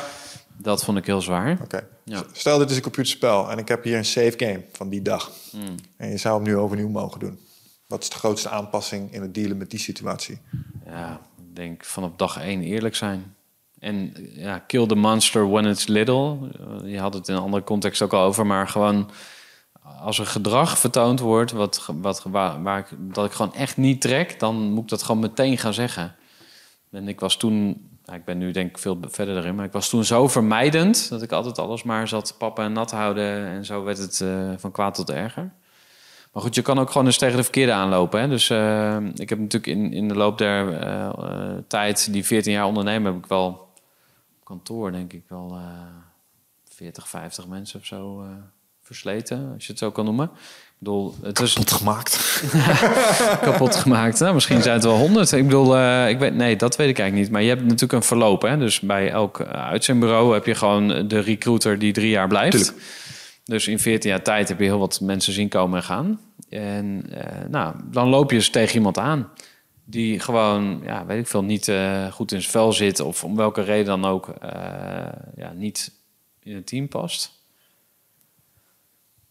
Ja, ik vind het een beetje lastig om te zeggen, maar ik, ik denk aan, aan ehm, de Bad Apple of zo. Of de, ehm, mijn, mijn vrouw die had op het werk ook zo'n collega. En die collega had altijd met iedereen ruzie. Maar die had niet, die zocht dat niet bij zichzelf. En dan denk ik, ja, dat is toch wel heel frappant.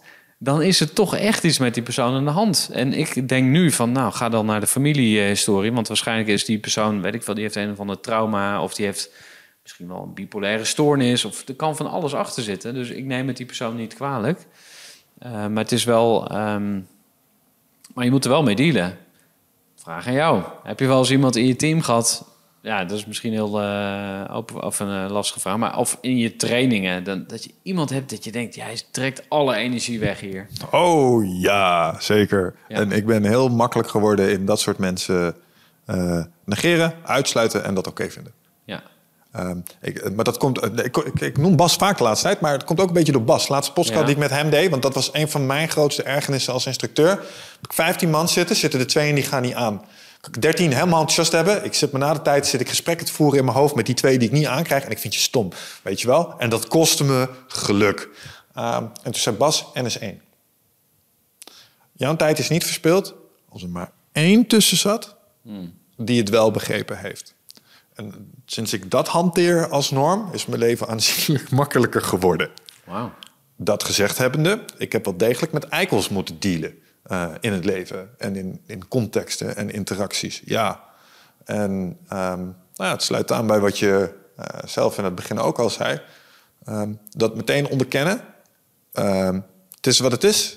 eh, en erna handelen. Dus of we gaan iets doen om het gedrag te veranderen. Ja. Waar het altijd moet beginnen.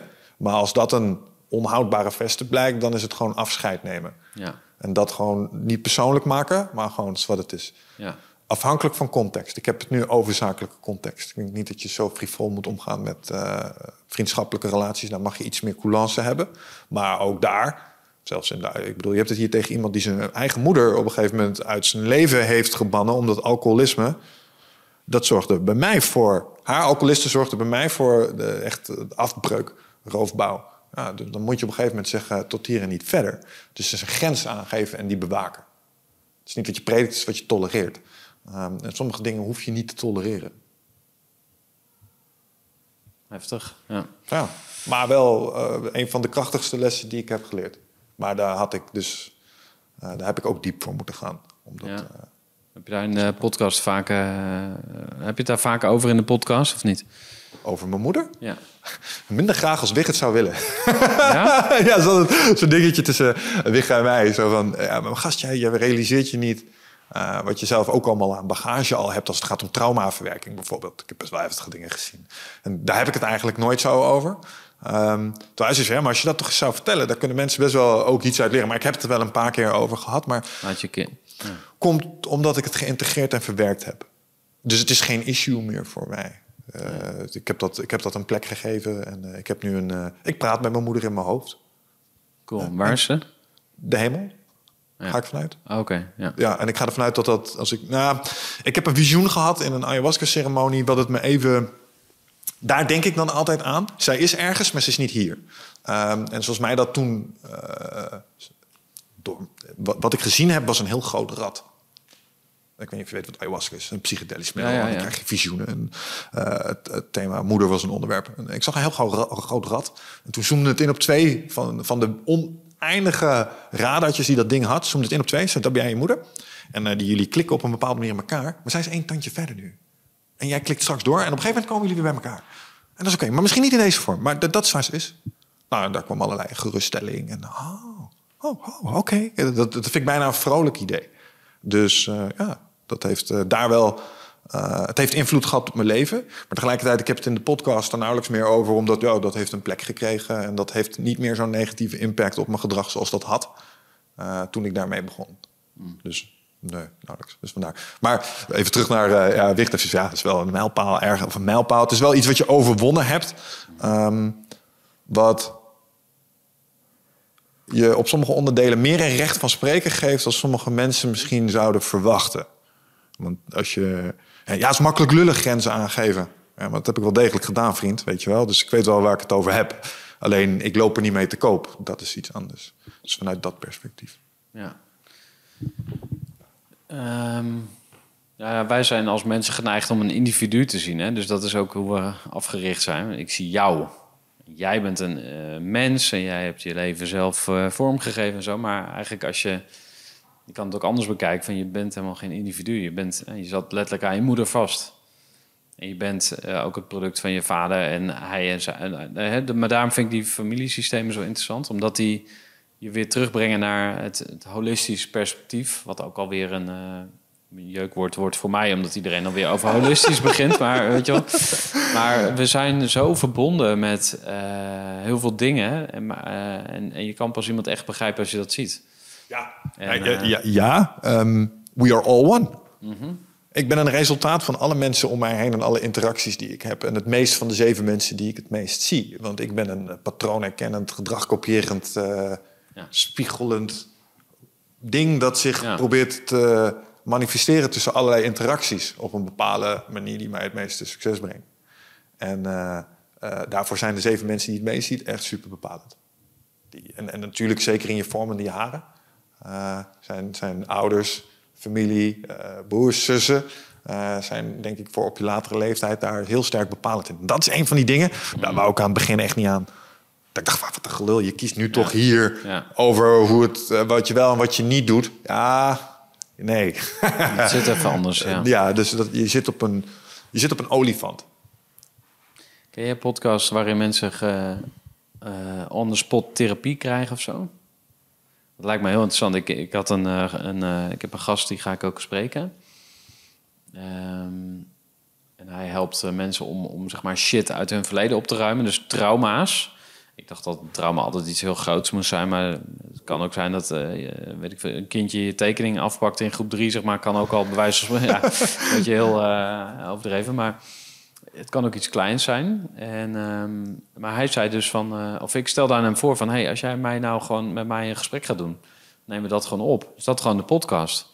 Dus dat was onderdeel van mijn eigen self-healing. Dus eh, hoe kan ik zelf heel worden? Want als ik geheeld ben, dan eh, kan ik een, een soort eh, basis bieden voor anderen. Dus als, als ik rustig ben en jij bent onrustig, nou ja, ik ga niet jouw onrust wegnemen, maar ik kan wel rust aanbieden. En misschien word je dan ook rustig. Ja, ja, ja. Ehm, dus dat zie ik ook wel voor me. Dat jij gewoon dus eh, de rollen omdraait en vijf of tien mensen jou laat uh, onderhanden laat nemen of zo. Ja, nee.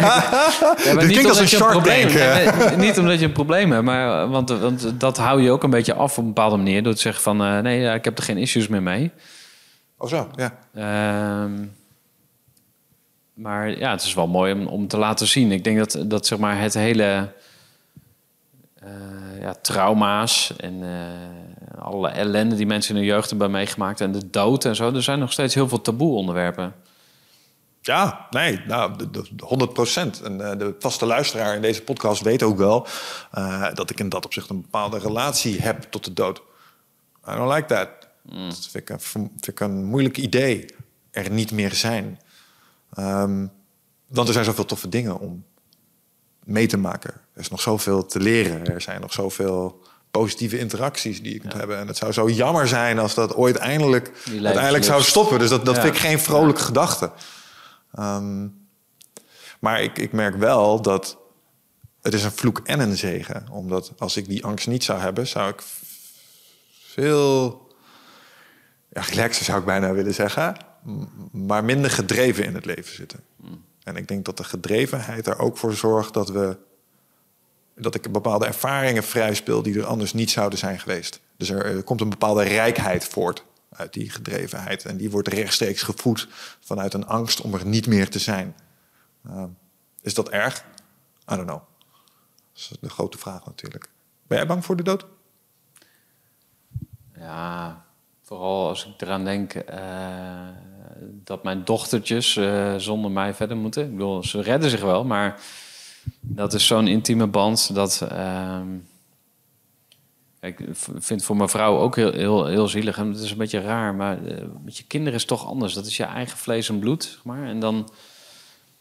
Dus dat, dat het is meer het verdriet voor hun, zeg maar. Maar um, ja, wat ik mezelf nu voorhoud, is eigenlijk dat het mooier wordt. Dus het, het schijnt dus, dat heeft iemand gezegd van ja, als je dood bent, dan word je je ziel eindelijk bevrijd van dit, uh, ja, hoe zeg je dat? Er is ook een Arabisch spreekwoord, heb ik van die vriend van mij, die, die Isa, en die zei van dat ze bij de geboorte van een kindje zeggen ze dan welkom in de hel. Dat is heel gek om te zeggen, maar alles op aarde heel veel dingen op aarde moet je moeite voor doen. Want we hebben zwaartekracht. Dus alleen al om te lopen moet je energie verbranden. snap je wel? Dus ja. in die zin, het leven kan ook heel uh, zwaar zijn. En misschien is wat hierna komt wel veel lichter. Dat je gewoon door de lucht zweeft. En misschien kom je dan wel weer ergens anders terecht. Ja, who knows. Maar... Life is suffering. Ja, Mijn ergste ja. nachtmerrie is dat, dit, um, dat het verhaal het gouden ei waar is. Ken je dat? Mm wel eens vaag van gehoord, maar uh, ja. Dus basically niet dit. Ik ben jij, jij bent mij. We zitten alleen nu. Jij bemaakt hem alleen nu even zo mee. En voordat jij kunt uh, transcenden naar wat je eigenlijk zou moeten zijn. Je zit nu in een ei. Je maakt dit allemaal mee.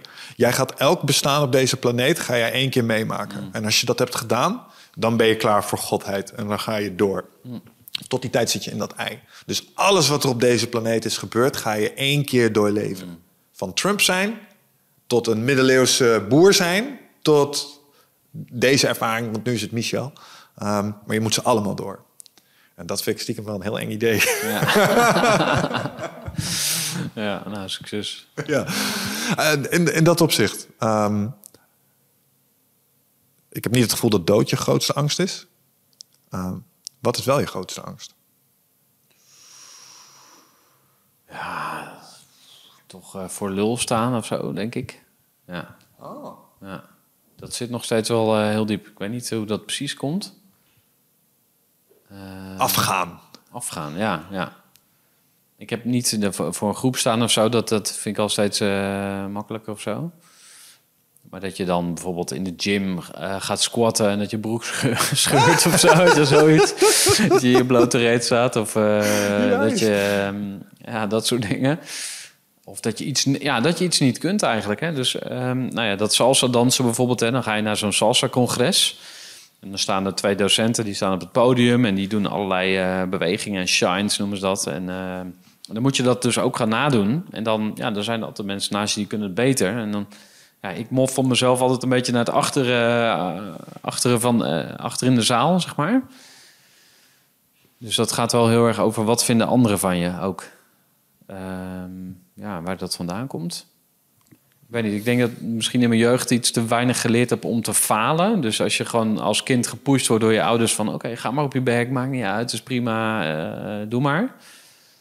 Dan, dan, dan is dat makkelijker voor je. Terwijl ik heb misschien wat meer ge, ge, geleerd van... oeh, kijk uit, pas op, uh, let op wat vinden anderen van je... en uh, doe maar niet zo gek. En ja... En, en ja, welke van die dingen kan je on, on, uh, ontleren? Want heel veel dingen uh, zijn aangeleerd, maar ja, hoeveel dingen kun je nou echt weer terugdraaien? Ik weet niet wat jouw uh, visie daarop is. Maar... Mm, nou, dat je een bepaalde deformatie hebt opgelopen, dat geloof ik inmiddels wel. Mm -hmm. Snap je? Dus we hadden het er straks bijvoorbeeld over mijn moeder. het feit dat ik dat een plek heb gegeven, wil niet zeggen dat de schade die dat. Ik heb de littekens nog. Snap je? Dus als er op sommige plekken uh, op, op die littekens wordt gedrukt, dan zou ik maar zo nog eens in, een, in een oud patroon terecht kunnen komen. Waarvan ik inmiddels weet dat ik ze heb. Ja. Uh, en, en dan. Uh, kijk, dat is een beetje waar ik bij jou naartoe wilde zeggen. Dan moet ik mezelf herinneren aan bepaalde dingen. Mm. Want ik heb bepaalde angsten. Bijvoorbeeld, er wordt over mijn grens heen gegaan. En dan is een van mijn verdedigingsstrategieën is hyperagressief erbovenop. Echt in je face, gewoon intimideren, wegwezen hier. Mm. Uh, en, en ik weet, ook al heb ik niks om... Uh, maar de, de, agressie op zich al zorgt ervoor dat de afstand gecreëerd wordt. Oké. Okay. En dat komt altijd omdat er dan iets in mijn hoofd zit en dat fluistert tegen me. Zeg, zie je nou wel, ze doen het weer. Want de pak is niemand neemt je serieus. En die stem, die heb ik leren trotseren. In plaats van degene tegenover me, zeg ik nu tegen die gast. Ik heb een hele mooie geleerd van een shaman hier. Gewoon silencio. Die was een hoe heet dat, uh, uh, Spaanse shamaan, Don Ruiz, heeft het boekje geschreven, Vier Overeenkomsten. Die zei, ik heb dat ook. En dan zeg ik altijd, silencio Miguel. En, en dan wordt hij stil. Dus ik, ik heb iets moeten, ik heb moeten zien dat dat in mijn oor fluistert. Herken je dat?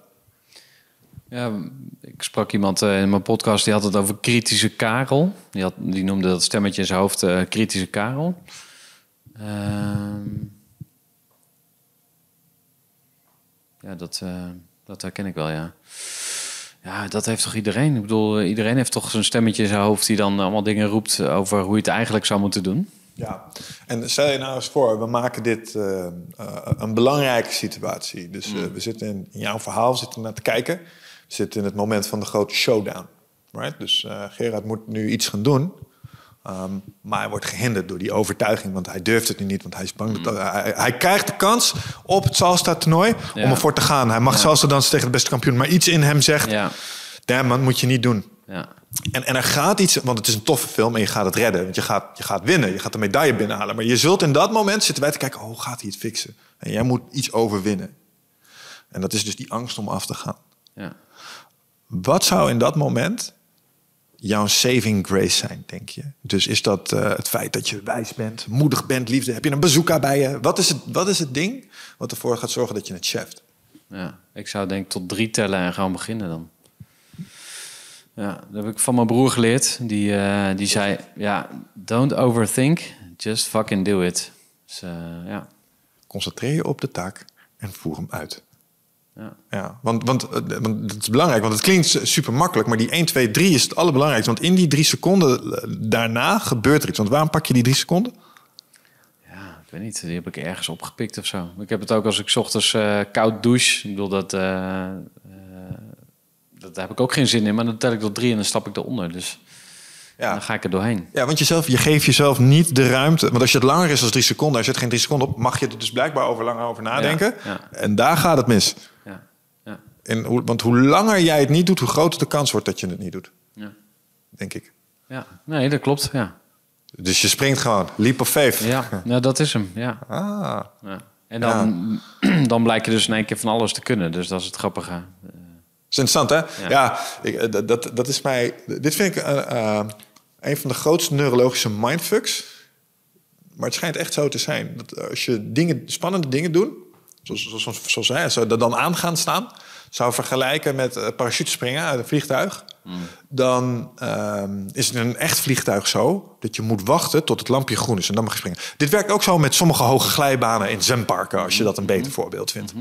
Ehm, en ik weet niet hoe het met jou zou zijn, maar als ik aan, in een vliegtuigdeur zou staan, ik zou niet graag springen. Ik denk dat dat een heel, Heel dom idee is. mensen, ja. ja. En hier is het ding. De meeste mensen met grote besluiten, eh, belangrijke dingen, die wachten tot het lampje op groen staat. En dan pas springen ze. Maar neurologisch schijnt het dus zo te zijn dat dat lampje nooit op groen gaat. Het gaat pas op groen zodra jij gesprongen bent. Oh, echt? Ja, dan Ah, komt het verhaal oh, pas. He jumped. Oh ja, wat? Ah, ja, puntje, puntje, puntje, puntje. Ah, Snap je? grappig. Ja, dat is dus het hele, het hele dingetje daar. Dus ik vind dat 1, 2, 3 echt fantastisch. Want je kan wel blijven wachten. Je kan Ja. drie uur blijven wachten. It's not gonna go. Het gaat pas als je springt. Ken je de 12-hour challenge van, ehm, hoe heet die gast? Eh, hij heeft een boek geschreven. hij was de best getrainde militair van Nederland, Sander Aarts. Sander Aarts hebben we in de studio Ja, gehad. Ja. ja. Hij doet die 12-hour eh, challenge, doet hij. Ja. Dat is nou iets waar ik dan bang voor ben. Dat ik denk van, ja, weet je, ik weet dat ik het kan overleven, maar ja, dan moet ik wel zo ver uit mijn comfortzone. Dus ja, ik heb dat nog niet helemaal ontdekt. Ah, gefeliciteerd. Ik ga je nummer aan Sander geven. Sander gaat je bellen. Oké. Sander, ik heb iets voor je. Hij komt hier binnenkort weer. Dus eh, Ja, nou, eens, eh, ja, gewoon doen, man. ja, Wat heb je te verliezen? Want als je het hebt volbracht, dan is het ook wel dan ben je wel... eh, mega. ja. Ik neem het heel erg in over. nou, de kans is er in ieder geval. Leuk man. Ehm, hey, en dan wil ik het nog iets. Want we hebben het nu natuurlijk eh, gehad over eh, de, eh, de dingen in, in de bek kijken. je grootste angsten doorstaan. Ehm, maar er is ook altijd ehm, een beloning hè, voor, voor het geleverde werk. En ehm, iets wat ik altijd heel erg mis in Hollywood is misschien wel de belangrijkste fase van het heldenverhaal. Ik weet niet of, je, of je het weet, maar je hebt Hollywood stopt altijd als, als de bad guy zeg maar verslagen is. Maar in de boeken zit er dan vaak nog een heel stuk achteraan. Eh, dat noemen ze de terugkeer. Ja. Dat is de return home. Nee, je bent veranderd. Je bent als held niet meer dezelfde. Ehm, en, en ze mogen terug naar zeg maar, hun, hun, hun thuis. Eh, en dat bleek achteraf altijd de reden om het te doen. Dus waarom zijn we de draak gaan verslaan? Nou ja, hij was een bedreiging voor onze fantastisch dorpje. En dat wilden we graag veiligstellen. Dus als je kijkt naar jou... ehm, wat is het wat je, met, wat je hier aan het doen bent? We hebben het straks even al gehad over je, eh, eh, over je drijfveren. Maar stel je bent een dag oud in de fields geweest. Wat wacht er thuis op je? Wat is, wat is je return home? Je zit op je, in je auto, je rijdt terug naar huis. en Oké man, ik ga weer naar huis. Wat wacht daar op jou? Ja, komt toch weer mijn dochters op. Ik kan daar eigenlijk niks aan doen, maar dat is. eh,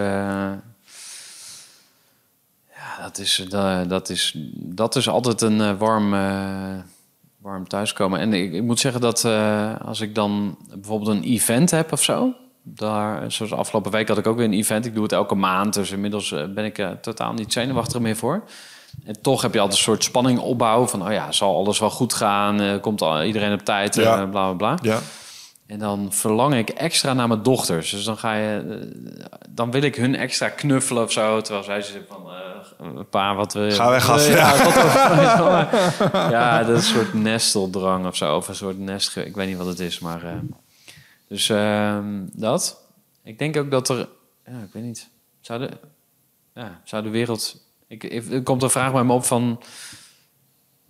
eh, wel of geen kinderen. Dat maakt voor mij. eh, Ik heb gemerkt dat het voor mij zoveel uitmaakt. Dat, dat ineens dat heel belangrijk is. Terwijl het is gewoon biologisch feit, zeg maar. Alleen. Ja, ja je bent eh, in mijn ogen, zodra je vader of moeder bent, ben je een Ja. soort van hormonaal gehandicapt. Ja, ja, Ja, ja, zo, ja. Dat, dat, precies. Dat stukje, dat bedoel ik.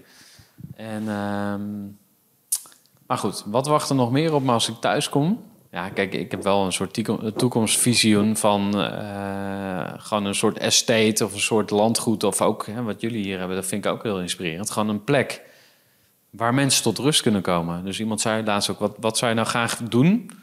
Eh zei ik geloof ik therapeutisch tuinieren met ondernemers. gek. Ja, dat lijkt me ja, heel cool. ja.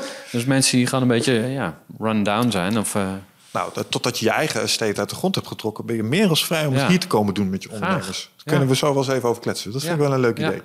Ehm, ja, nee, oké. maar, maar het is dus eh, de, de, enerzijds de, de, de liefde en de genegenheid van het gezin. Ja. Natuurlijk hartstikke mooi. Ehm, iets in het vooruitzicht waar je naartoe werkt. Dus een Ja. bepaald resultaat. Ehm, maar voor sommige mensen is het bijvoorbeeld ook de parade bij thuiskomst. Ja, en dan moest ik ook aan denken, ja. Ja, toch wel? Nou ja, maar dat vind ik dan weer zo'n ego-trip. Hè? Dus dat is dan. Ik, maar ik denk ook wel aan ehm, eh, Austin Powers. Die heeft ook een van die films, die begint daar ook mee. Dat, dat hij dan zo dansend binnenkomt zo, en iedereen begint mee te dansen. Dat is natuurlijk wel te gek.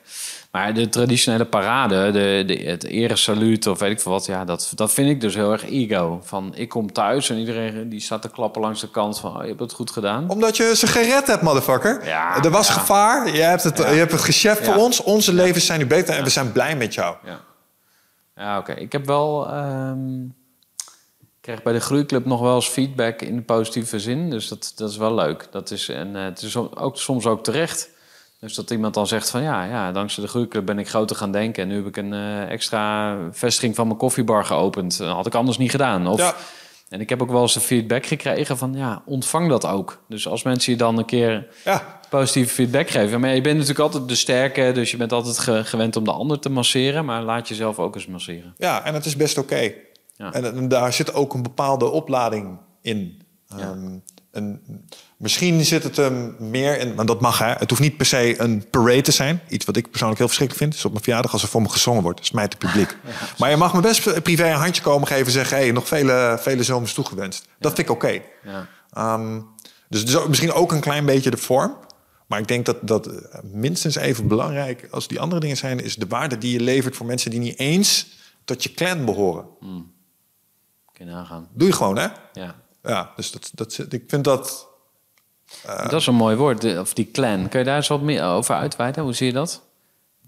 Maar dat, dat is ook weer heel tri of dat vind ik wel mooi. Tribal? Ja, ja. maar de- ik vind dat mooi. Dat je denkt van, hé, we hebben gewoon onze clan, we hebben, onze, we hebben ons clubje.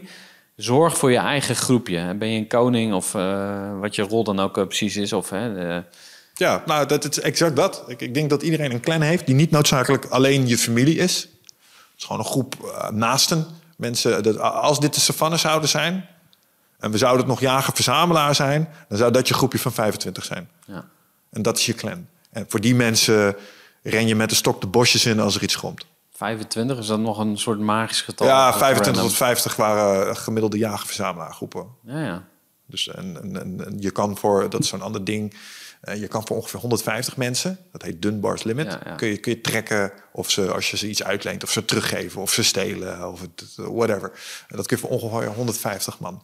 En ik denk dat je niet, dat er een bepaalde limiet zit aan hoeveel betekenisvolle eh, eh, relaties en verbindenissen je met mensen aan kunt. Simpelweg omdat je maar zoveel van die poortjes hebt waar een stekkertje in kan, bij wijze van spreken. ja. Ja, en, ik- en ik denk dat iedereen zijn clan. ehm, ja, dat is gewoon een bepaalde. Dus ik denk echt wel in die termen. Ik heb een bepaalde cirkels van betrokkenheid, ken je vast wel. En de clan is de eerste. Familie, clan en dan eh, Nederland, eh, weet ik veel. Als je in Ja, dat Borkelo woont, dan ben je ook een tukker, snap je? Dus Ja. dan eh, dat is dan ook je clan. Ja. Dus vandaar. Ehm, en ik denk dat als je waarde hebt geleverd voor de clan, ja. dat dat er- erkend mag worden. Want ik denk dat daar beloningssystemen achter zitten die jou bovengemiddeld veel energie gaan geven. En, ik ook, ja. ja, en die energie gebruik je weer om er nog weer wat moois van te maken. Dat is de feedback loop die ik daar. Dus af en toe mag je jezelf wel even laten huldigen, zal ik zeggen. Ja, nice. ja, ik ben met een boek bezig. Ik durf het al bijna niet meer te zeggen, omdat ik al anderhalf jaar mee bezig ben. Maar ik ga na, na de zomer ga ik weer eh, met de uitgever eh, doorpraten. En dat gaat over de vraag wie heb je om je heen nodig als ondernemer. Dus eh, eh, je gaat, gaat eerst eh, zelfanalyse doen of zelfonderzoek van wie, wie ben ik. En dan blijkt dus dat er allemaal gaten in je skillset zitten. En wie moet je dan om je heen hebben? Dus een, een nou, personal trainer misschien, masseur, maar ook, weet ik veel. Het, en het gaat ook een beetje over... ehm, werktitel is Cirkel van Vertrouwen. Dus dat zit ook een beetje in die, in die clanhoek. Dus ik ga dit stukje van de podcast zeker nog even terugluisteren. Want dit komt eh, ook... eh, het, hoort bij het verhaal. Dus Ja, ja en, en, en als het dan gaat over het, eh, het ondernemerschap. heel specifiek en je kijkt naar behoeftes, dan moet ik ook altijd een klein beetje denken aan special forces. We hebben natuurlijk best wel een goede verstandshouding met defensie. Een paar generaals hier over de vloer gehad. We hebben met die operators mogen, mee mogen kijken. Ehm, ik ben even mijn draad kwijt. We hadden het zo. Oh ja, nee, de, de, de eh, special forces als het gaat om, om je clan. Ehm, omdat die lui die kijken naar specialismen. Vanuit een soort, eh, oké, wat is het doel? Wat is de missie? Wat is dan de optimale samenstelling van ons team? Ja. En wat hebben we dan nodig? En een andere manier om dat te noemen is bijvoorbeeld je dream team. Eh, jij hebt als ondernemer, ja, ik kan toevallig WordPress-installaties in elkaar draaien. Zelf installeren op de server, zo, dat kan ik. ja. Maar dat kan niet ieder ondernemer. Dus die heeft een tech guy nodig. Dus iemand Ja. die dat kan. Ja, dat is een van je operators. Die hoort in je team. En ik denk dat een boel ondernemers er goed aan zouden doen om eens even zo'n scan te maken van je team. Van ja, oké, wat is de missie eigenlijk? Wat zijn we aan het doen? Ehm, en wat heb ik in huis? Nou, best veel. Maar wat mis ik nog? En vaak als je dat missende component eh, in je specialismen, hè, de, je multidisciplinaire team aanvult, dan gaan al die andere gasten ook ineens hun werk kunnen doen. En dan gaat het. Eh, ik- een Yeld-team krijg je dan. Dus een team dat helemaal is uitgeleid en gewoon lekker zijn dingen aan het doen is. En daar actief over nadenken en telkens dat optimum zoeken. Ik denk dat dat wat eh, echt goede organisaties eh, een heel groot voordeel geeft over anderen. Daar waar ze daar tijd en de moeite van... oh, je hebt, deze, je hebt dit nodig. Nee, we gaan het nu niet houtje touwtje zelf oplossen. Vlieg maar in. Ja. Desnoods voor een dag. En dan kan je ineens weer vooruit. Nice. Ja. Hoe los je dat zelf op? Ja, eh, oh. ja, er kwam even een kritisch eh, stemmetje op. Hoe ga je die mensen dan betalen? Want dat is natuurlijk voor veel ondernemers ook wel een eh, uitdaging. Met name in het klein MKB, dus tot, weet ik veel, 20 man uh, vrouwen personeel. Ehm, dus je, ja, je moet wel een verdienmodel hebben wat het uh, mogelijk maakt om mensen... Ja, maar er zijn tussenwegen mogelijk. Want uh, kijk, bijvoorbeeld personal trainers, een mooi voorbeeld. Wil je een vitaliteit wegnemen personal trainer? Ja, leuk. Twee keer per week trainen met personal trainer zijn we gewoon 150 euro verder, snap je? Um, dus dat is duur. Maar wat je ook kan doen, is gewoon eens per drie maanden trainen met een personal trainer. Ja. En die laat je een schema maken voor je. En uh, hij checkt, of zij checkt, of je dat schema doorloopt. Dan heb je alle specialist ingevlogen. Je doet het niet zelf. Er is een soort borging vanuit het specialisme. Maar het was wel aanzienlijk goedkoper als elke dag. Ja. Dus, dus er zijn, zijn ook tussenwegen. Ja, ja, helemaal eens. Ja. Nice. ja, ik heb anderhalf jaar met een personal trainer uh, gewerkt. Ja. Toen had ik het uh, al uh, een beetje gezien.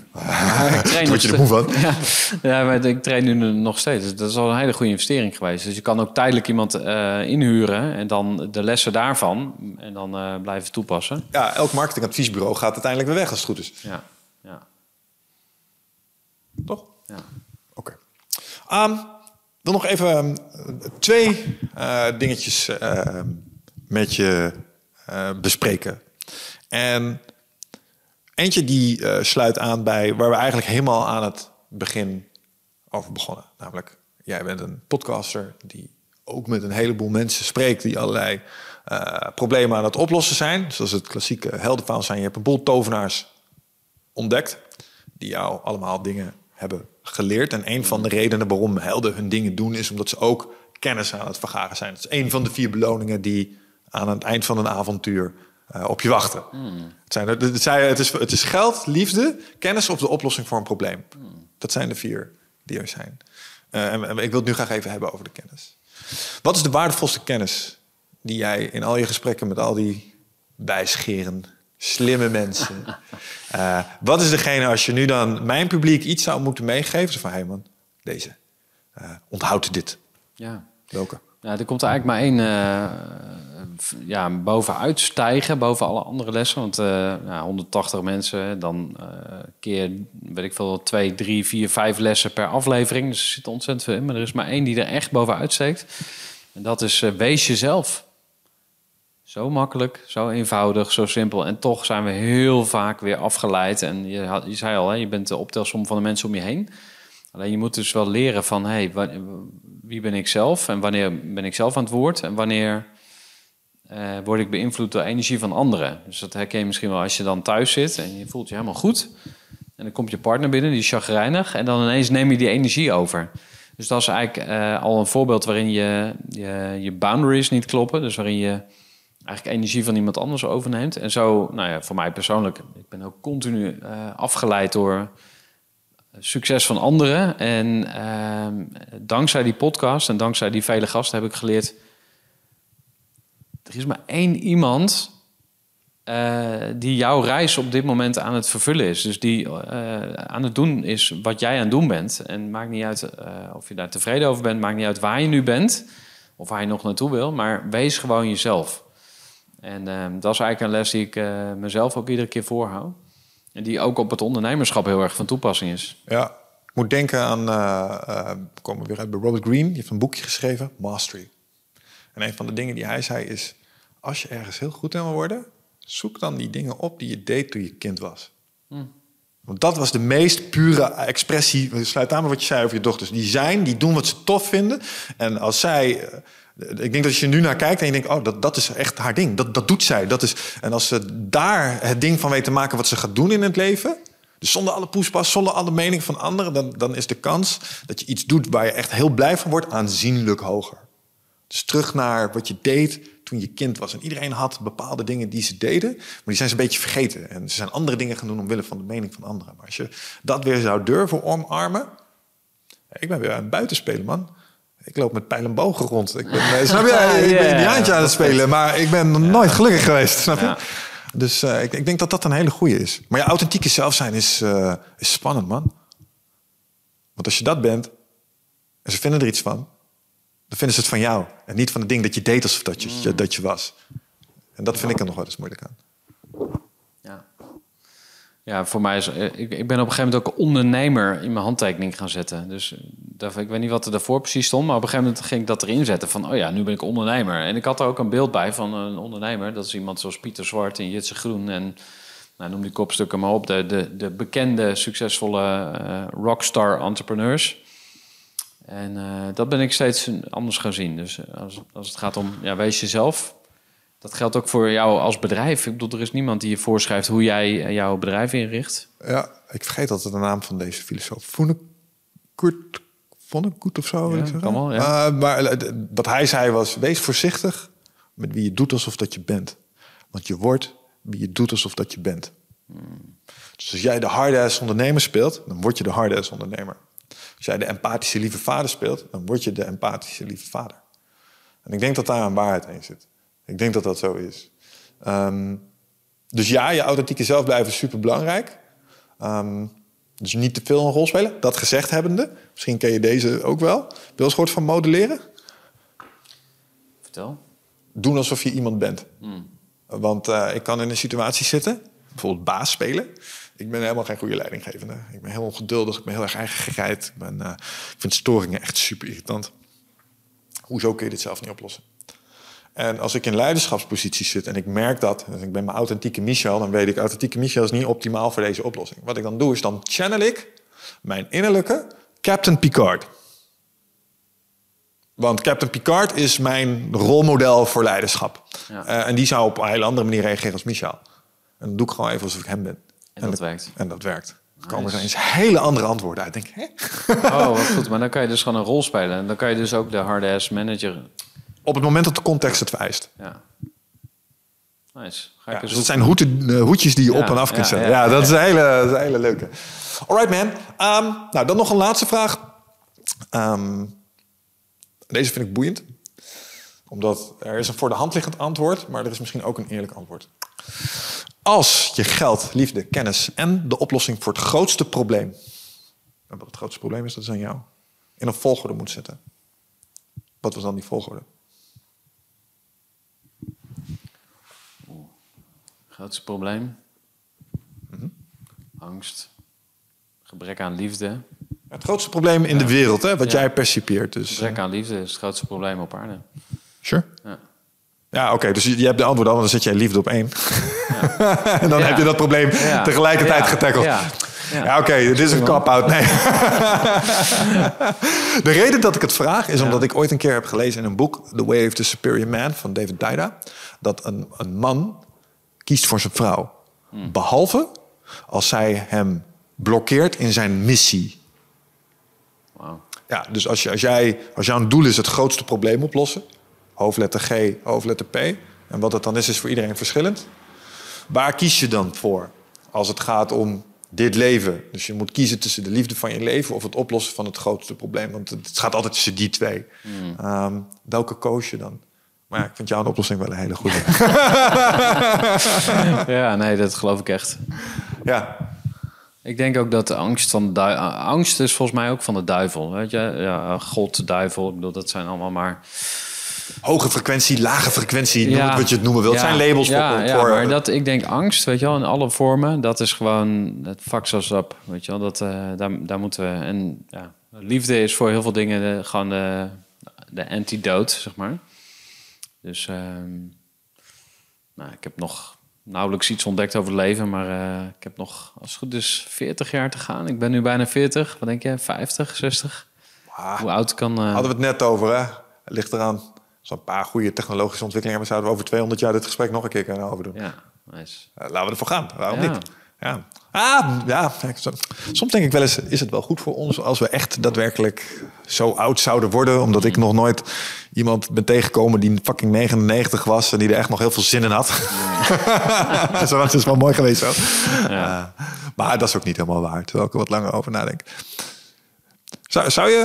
Dat is misschien wel een leuke vraag. Ehm, stel, ik heb hier een tablet voor je. Blauw. Als je hem neemt, plus 100 jaar. Zou dat doen? Ja. Ik denk ik ook wel. ik ook wel. Maar wat zou voor jou de reden zijn om te doen?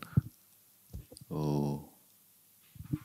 Eh, het, het, bij mij gaat het wel in toenemende mate over anderen. Dus eh, gewoon, weet ik veel, ja, dat therapeutisch tuinieren of eh, voor je kids zorgen Ja. of weet ik veel, iets te doen voor anderen. Ja, oké. ja. ja, nee, oké. ja. Oh, want, want er is nog iets te doen wat nog niet af is. Ja, Eh, wat jullie hier gecreëerd hebben, die plek, weet je wel, dat, dat, ja, dat is toch mooi. Ik bedoel, eh, dat wil je toch? Waarom, ja, dus, maar dat hoor ik bij jou ook wel terug. Die levenslust, je wil gewoon, je wil gewoon leven, je wil ontdekken, je wil, je wil dingen doen. Ja, voor mij zat er ook een tijd lang eh, ego gedreven een stuk legacy in. Dus Hmm. eh, het zou tof zijn als er iets is dat er nog is als ik er straks niet meer ben. Oh ja.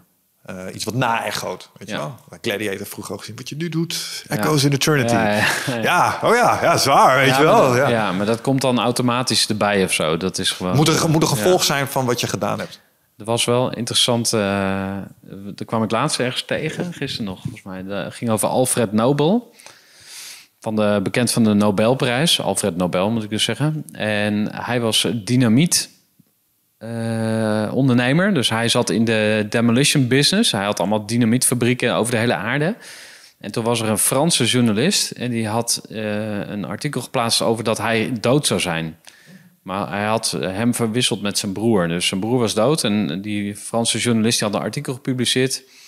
Eh, Alfred Nobel is overleden en hij was de grootste eh, vernietiger van deze tijd of zo. En toen zei Alfred, die dacht dus van ja shit, dus als ik dood ben, dan gaat iedereen...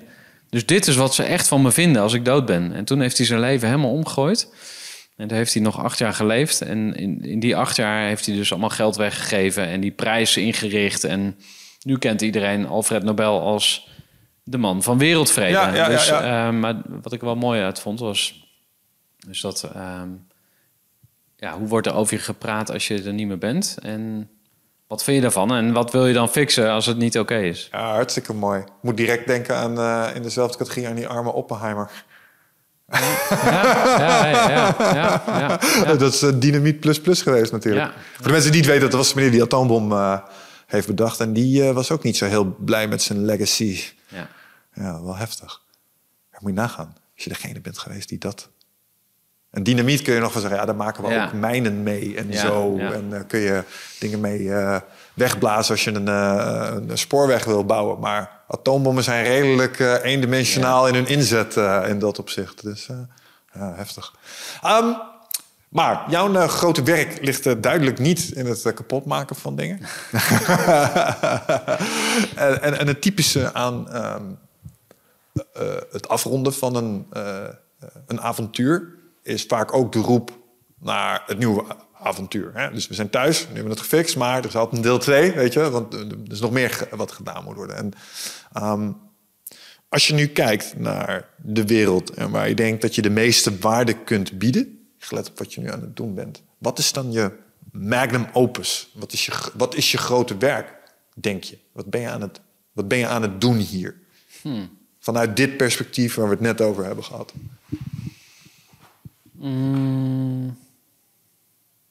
Ja, dan de mensen dichter bij zichzelf brengen. Misschien is dat wel het belangrijkste dan. Dat sluit, ja, dat is misschien heel vaag, maar dat sluit een beetje aan op eh, eh, wat is de grootste les uit al die podcastafleveringen? Wees jezelf. Nou, eh, als ik ondernemers kan helpen om zo dicht mogelijk bij zichzelf te blijven, dan uh, dat is denk ik wel iets heel belangrijks. En wat voor moois gaat er gebeuren als mensen dat doen? Dus waarom willen we dit? Nou ja, je bent van je plek als je het niet doet. Dus op het moment dat jij, uh, nou ja, stel je het universum voor met alles wat perfect, elke, elk sterretje, elke planeet staat waar die moet staan. Nou, zo kun jij dus als ondernemer ook naar jezelf kijken. Van eigenlijk moet je zorgen dat je op de plek staat waar jij thuis hoort. Alleen als je dus van je plek gaat, dit heeft ook weer met systemisch werken en systemisch denken te maken, dan, dan klopt het niet. Nou, bijvoorbeeld in die uh, podcast met Els van Stijn zal dat ook terugkeren. Als je bijvoorbeeld boven je ouders gaat staan, uh, dus je gaat voor je ouders zorgen, dan ben je van je plek. Dan uh, de energie niet meer, dus dan sta je niet op je plek. En ehm, ik zie dat je om succesvol te zijn als ondernemer, moet je wel tien of twintig dingen doen. En als jij al die plekjes probeert in te vullen, dat, dat lukt nooit. Dus je moet zorgen dat jij op dat plekje staat waar jij hoort. En dat heb je net zelf ook in andere woorden gezegd. Uh, en voor die andere dingen uh, zoek je andere mensen. Um, en, ja, een vriend van mij die... Uh, want ik ga verhuizen naar Zwolle. Ah, Zwolle. Zwolle? Jongen toch. Wat dat? Een mooie stad. ja, Zie vlakbij. Ja, nee, ik woon nu in Utrecht. Dus, uh, ik ben, Eindelijk een Hansestad. Goed zo. Dat is een goede zet geweest. Ik ben opgegroeid in Kampen. Hier uh, heel dichtbij. Ja. En wij gingen hier achter in het bos, Roggebotse bos. Daar gingen wij altijd wandelen, elke zondag. Dus ik ken deze omgeving. En Zwolle ja. op school gezeten, dus ik ga er terug. En ik twijfelde heel erg. Mijn vrouw die zei meteen, want ik kreeg een huis aangeboden via via. Mijn vrouw zei meteen toen we daar binnen liepen, dit is het. En ik dacht, ja shit, ik moet Utrecht los gaan laten. Zo ben ik mijn vrienden gaan bellen om advies te vragen. Zo doe ik het altijd. En een van hen die zei, er komt een nieuw avontuur voor jou. Ja. En, en dat gaat ontstaan. Een derde weg. Dus je hebt nu Eager People, je hebt groeivoer, maar er gaat iets nieuws komen. Dus daar heb ik me aan vastgeklampt en dacht, ja, dat, dat wil ik graag, dus ja. dat ga ik doen. Dus mijn avontuur. En ik zie een soort landgoed ook voor me. Ergens in de Achterhoek of in Oost-Nederland, uh, waar je tot rust kan komen. Wat, dat is eigenlijk de essentie, tot rust komen. We leven veel te snel. Veel te snel. We hebben duizenden foto's, maar we bekijken ze nooit. We hebben, uh, nou ja, anyways, ga ik nu niet over uitweiden. Maar... Nee, nou, nou, ja, nou, ik vind het eigenlijk wel een, een uh, ik ben het met je eens. Um, en ik denk dat het um, een fantastische streven is om te hebben, want ik denk dat het nodig is. Zoveel mogelijk van dat soort plekken. En, en als je me dan nog een persoonlijk plezier zou willen doen, dan maak je er ook een plek van waar door dat te doen voor allerlei mensen ook werk ontstaat waar gewoon centjes te verdienen is door het in combinatie te doen met duurzaamheid. Door mensen weer het gevoel te geven dat ze er een onderdeel van zijn. Um, want daar is denk ik nu de grootste behoefte aan. We moeten de wereld laten zien, hé hey man, het kan allemaal prima in balans met elkaar, in harmonie met elkaar. Ja, er moet ook gegeten worden, er moet ook business zijn en dat soort dingen. Maar er zijn tussenwegen mogelijk. En dit soort initiatieven, die helpen mensen daar echt ontzettend bij. Dus ga het doen, man. En uh, fantastisch dat je het aan de juiste kant van de IJssel gaat doen. Want, uh... Waar jij dan? Wat zeg je? Waar woon jij? Ik woon uh, nu hier en in Apeldoorn. Ja. Maar ik mis Deventer uh, en ik mis Borkelo. Omdat dat voor mij de juiste kant van de ja, IJssel is. En altijd als ik die Deventerbrug overrijd... dan is het alsof er weer een energiemetertje vol loopt. Oh, dat uh, stiekem leeg was gelopen zonder dat ik het door had. maar dit zegt alles over mijn... ik hou niet zo van verandering, ergens. Dus ik, ik ben opgegroeid in Boskamps, klein dorpje. En dat is heerlijk. Lekker rustig in de achterlanden. Als ik in Amsterdam ben, voel ik me altijd een beetje... Uh, ja, hoe zeg je dat? Ik ben niet helemaal... Uh, Opgejaagd wild of zo? Ja, ik ben daar niet op mijn plek. Ik hmm. kom beter uh, tot mijn recht in die wat rustige kontrijen. En hoe langer ik met mezelf omga, nou, hoe meer ik daarachter kom. Dus, uh, vandaar, dus vandaar dat ik ja. dat wat je daarvoor voor hebt liggen, ja, alleen maar kan aanmoedigen. Um, nou, laten we deze kans dan misschien, misschien aangrijpen. Wat kan ik, of misschien van één van onze luisteraars um, doen om je hierbij te helpen. Dus hoe zetten we dit in gang? Wat moet er gebeuren? What needs to happen? Ga hier een keer een pilot rennen om te kijken hoe je die centjes mee verdienen, zodat je kunt kopiëren ergens anders? Moet er eh, een aantal van onze luisteraars ergens op een link klikken om zich in te schrijven om dit eh, levensvatbaar te maken? Wat is het? Nou, ik zou het sowieso leuk vinden eh, om met mensen te linken op LinkedIn. Dus als mensen denken van, nou, ik wil wel eens eh, eh, na de kennis maken of ik wil in ieder geval connecten. Zoek me even op. Gerhard Te Velde is de naam. Dus eh, ik eh, accepteer graag je linkverzoek. Ik denk dat we je naam gaan opnemen in de show notes. En Ja. ik denk dat we hem goed gaan spellen. Oké, dat, gaat, dat gaat lukken. Ja, en voor zo'n zo'n landgoed, ja, dat is een megalomaan eh, idee. En eh, daar ben ik me te degen van bewust. Ik denk dat ik dan projectontwikkelaars wel zou willen leren kennen. Mensen die gewoon weten hoe zoiets werkt. De herontwikkeling van bepaalde eh, estates en zo. Ik ga jou contact brengen Ja. met een paar mensen. Oké, graag. Die dit doen. Ja. Nou, bingo. Nou, te gek man. Helemaal leuk. Yes. Hoe lang denk je dat we aan het praten zijn? Eh, twee uur en drie minuten. Twee uur en 43 minuten. Oh, We echt? zitten, bij, ja, we zitten bijna op de drie Oh, uur. Dat is fantastisch. En het voelde alsof het vijf Nice. minuutjes was. Ja. ik zou zo nog een keer uh, dezelfde lengte door kunnen hoor. Geen enkel Ja. probleem. Ehm, maar ik vond het echt een tof gesprek. Mooi. Super. man. Ik hoop dat je het ook leuk eh, hebt gevonden. Absoluut. Eh, ik heb absoluut wat toffe dingen hier uit, eh, uitgehaald en wat mooie inzichten. En nou, we gaan nu even een punt achter zetten. En dan gaan we zo eens even kijken of we jouw landgoed ook uit de grond kunnen trekken. Tof. Gerard, bedankt voor hier langskomen en je kennis delen. Ehm, luisteraars, bedankt weer voor het luisteren. Hopelijk tot de volgende. Bedankt voor nu. Ciao. Yeah.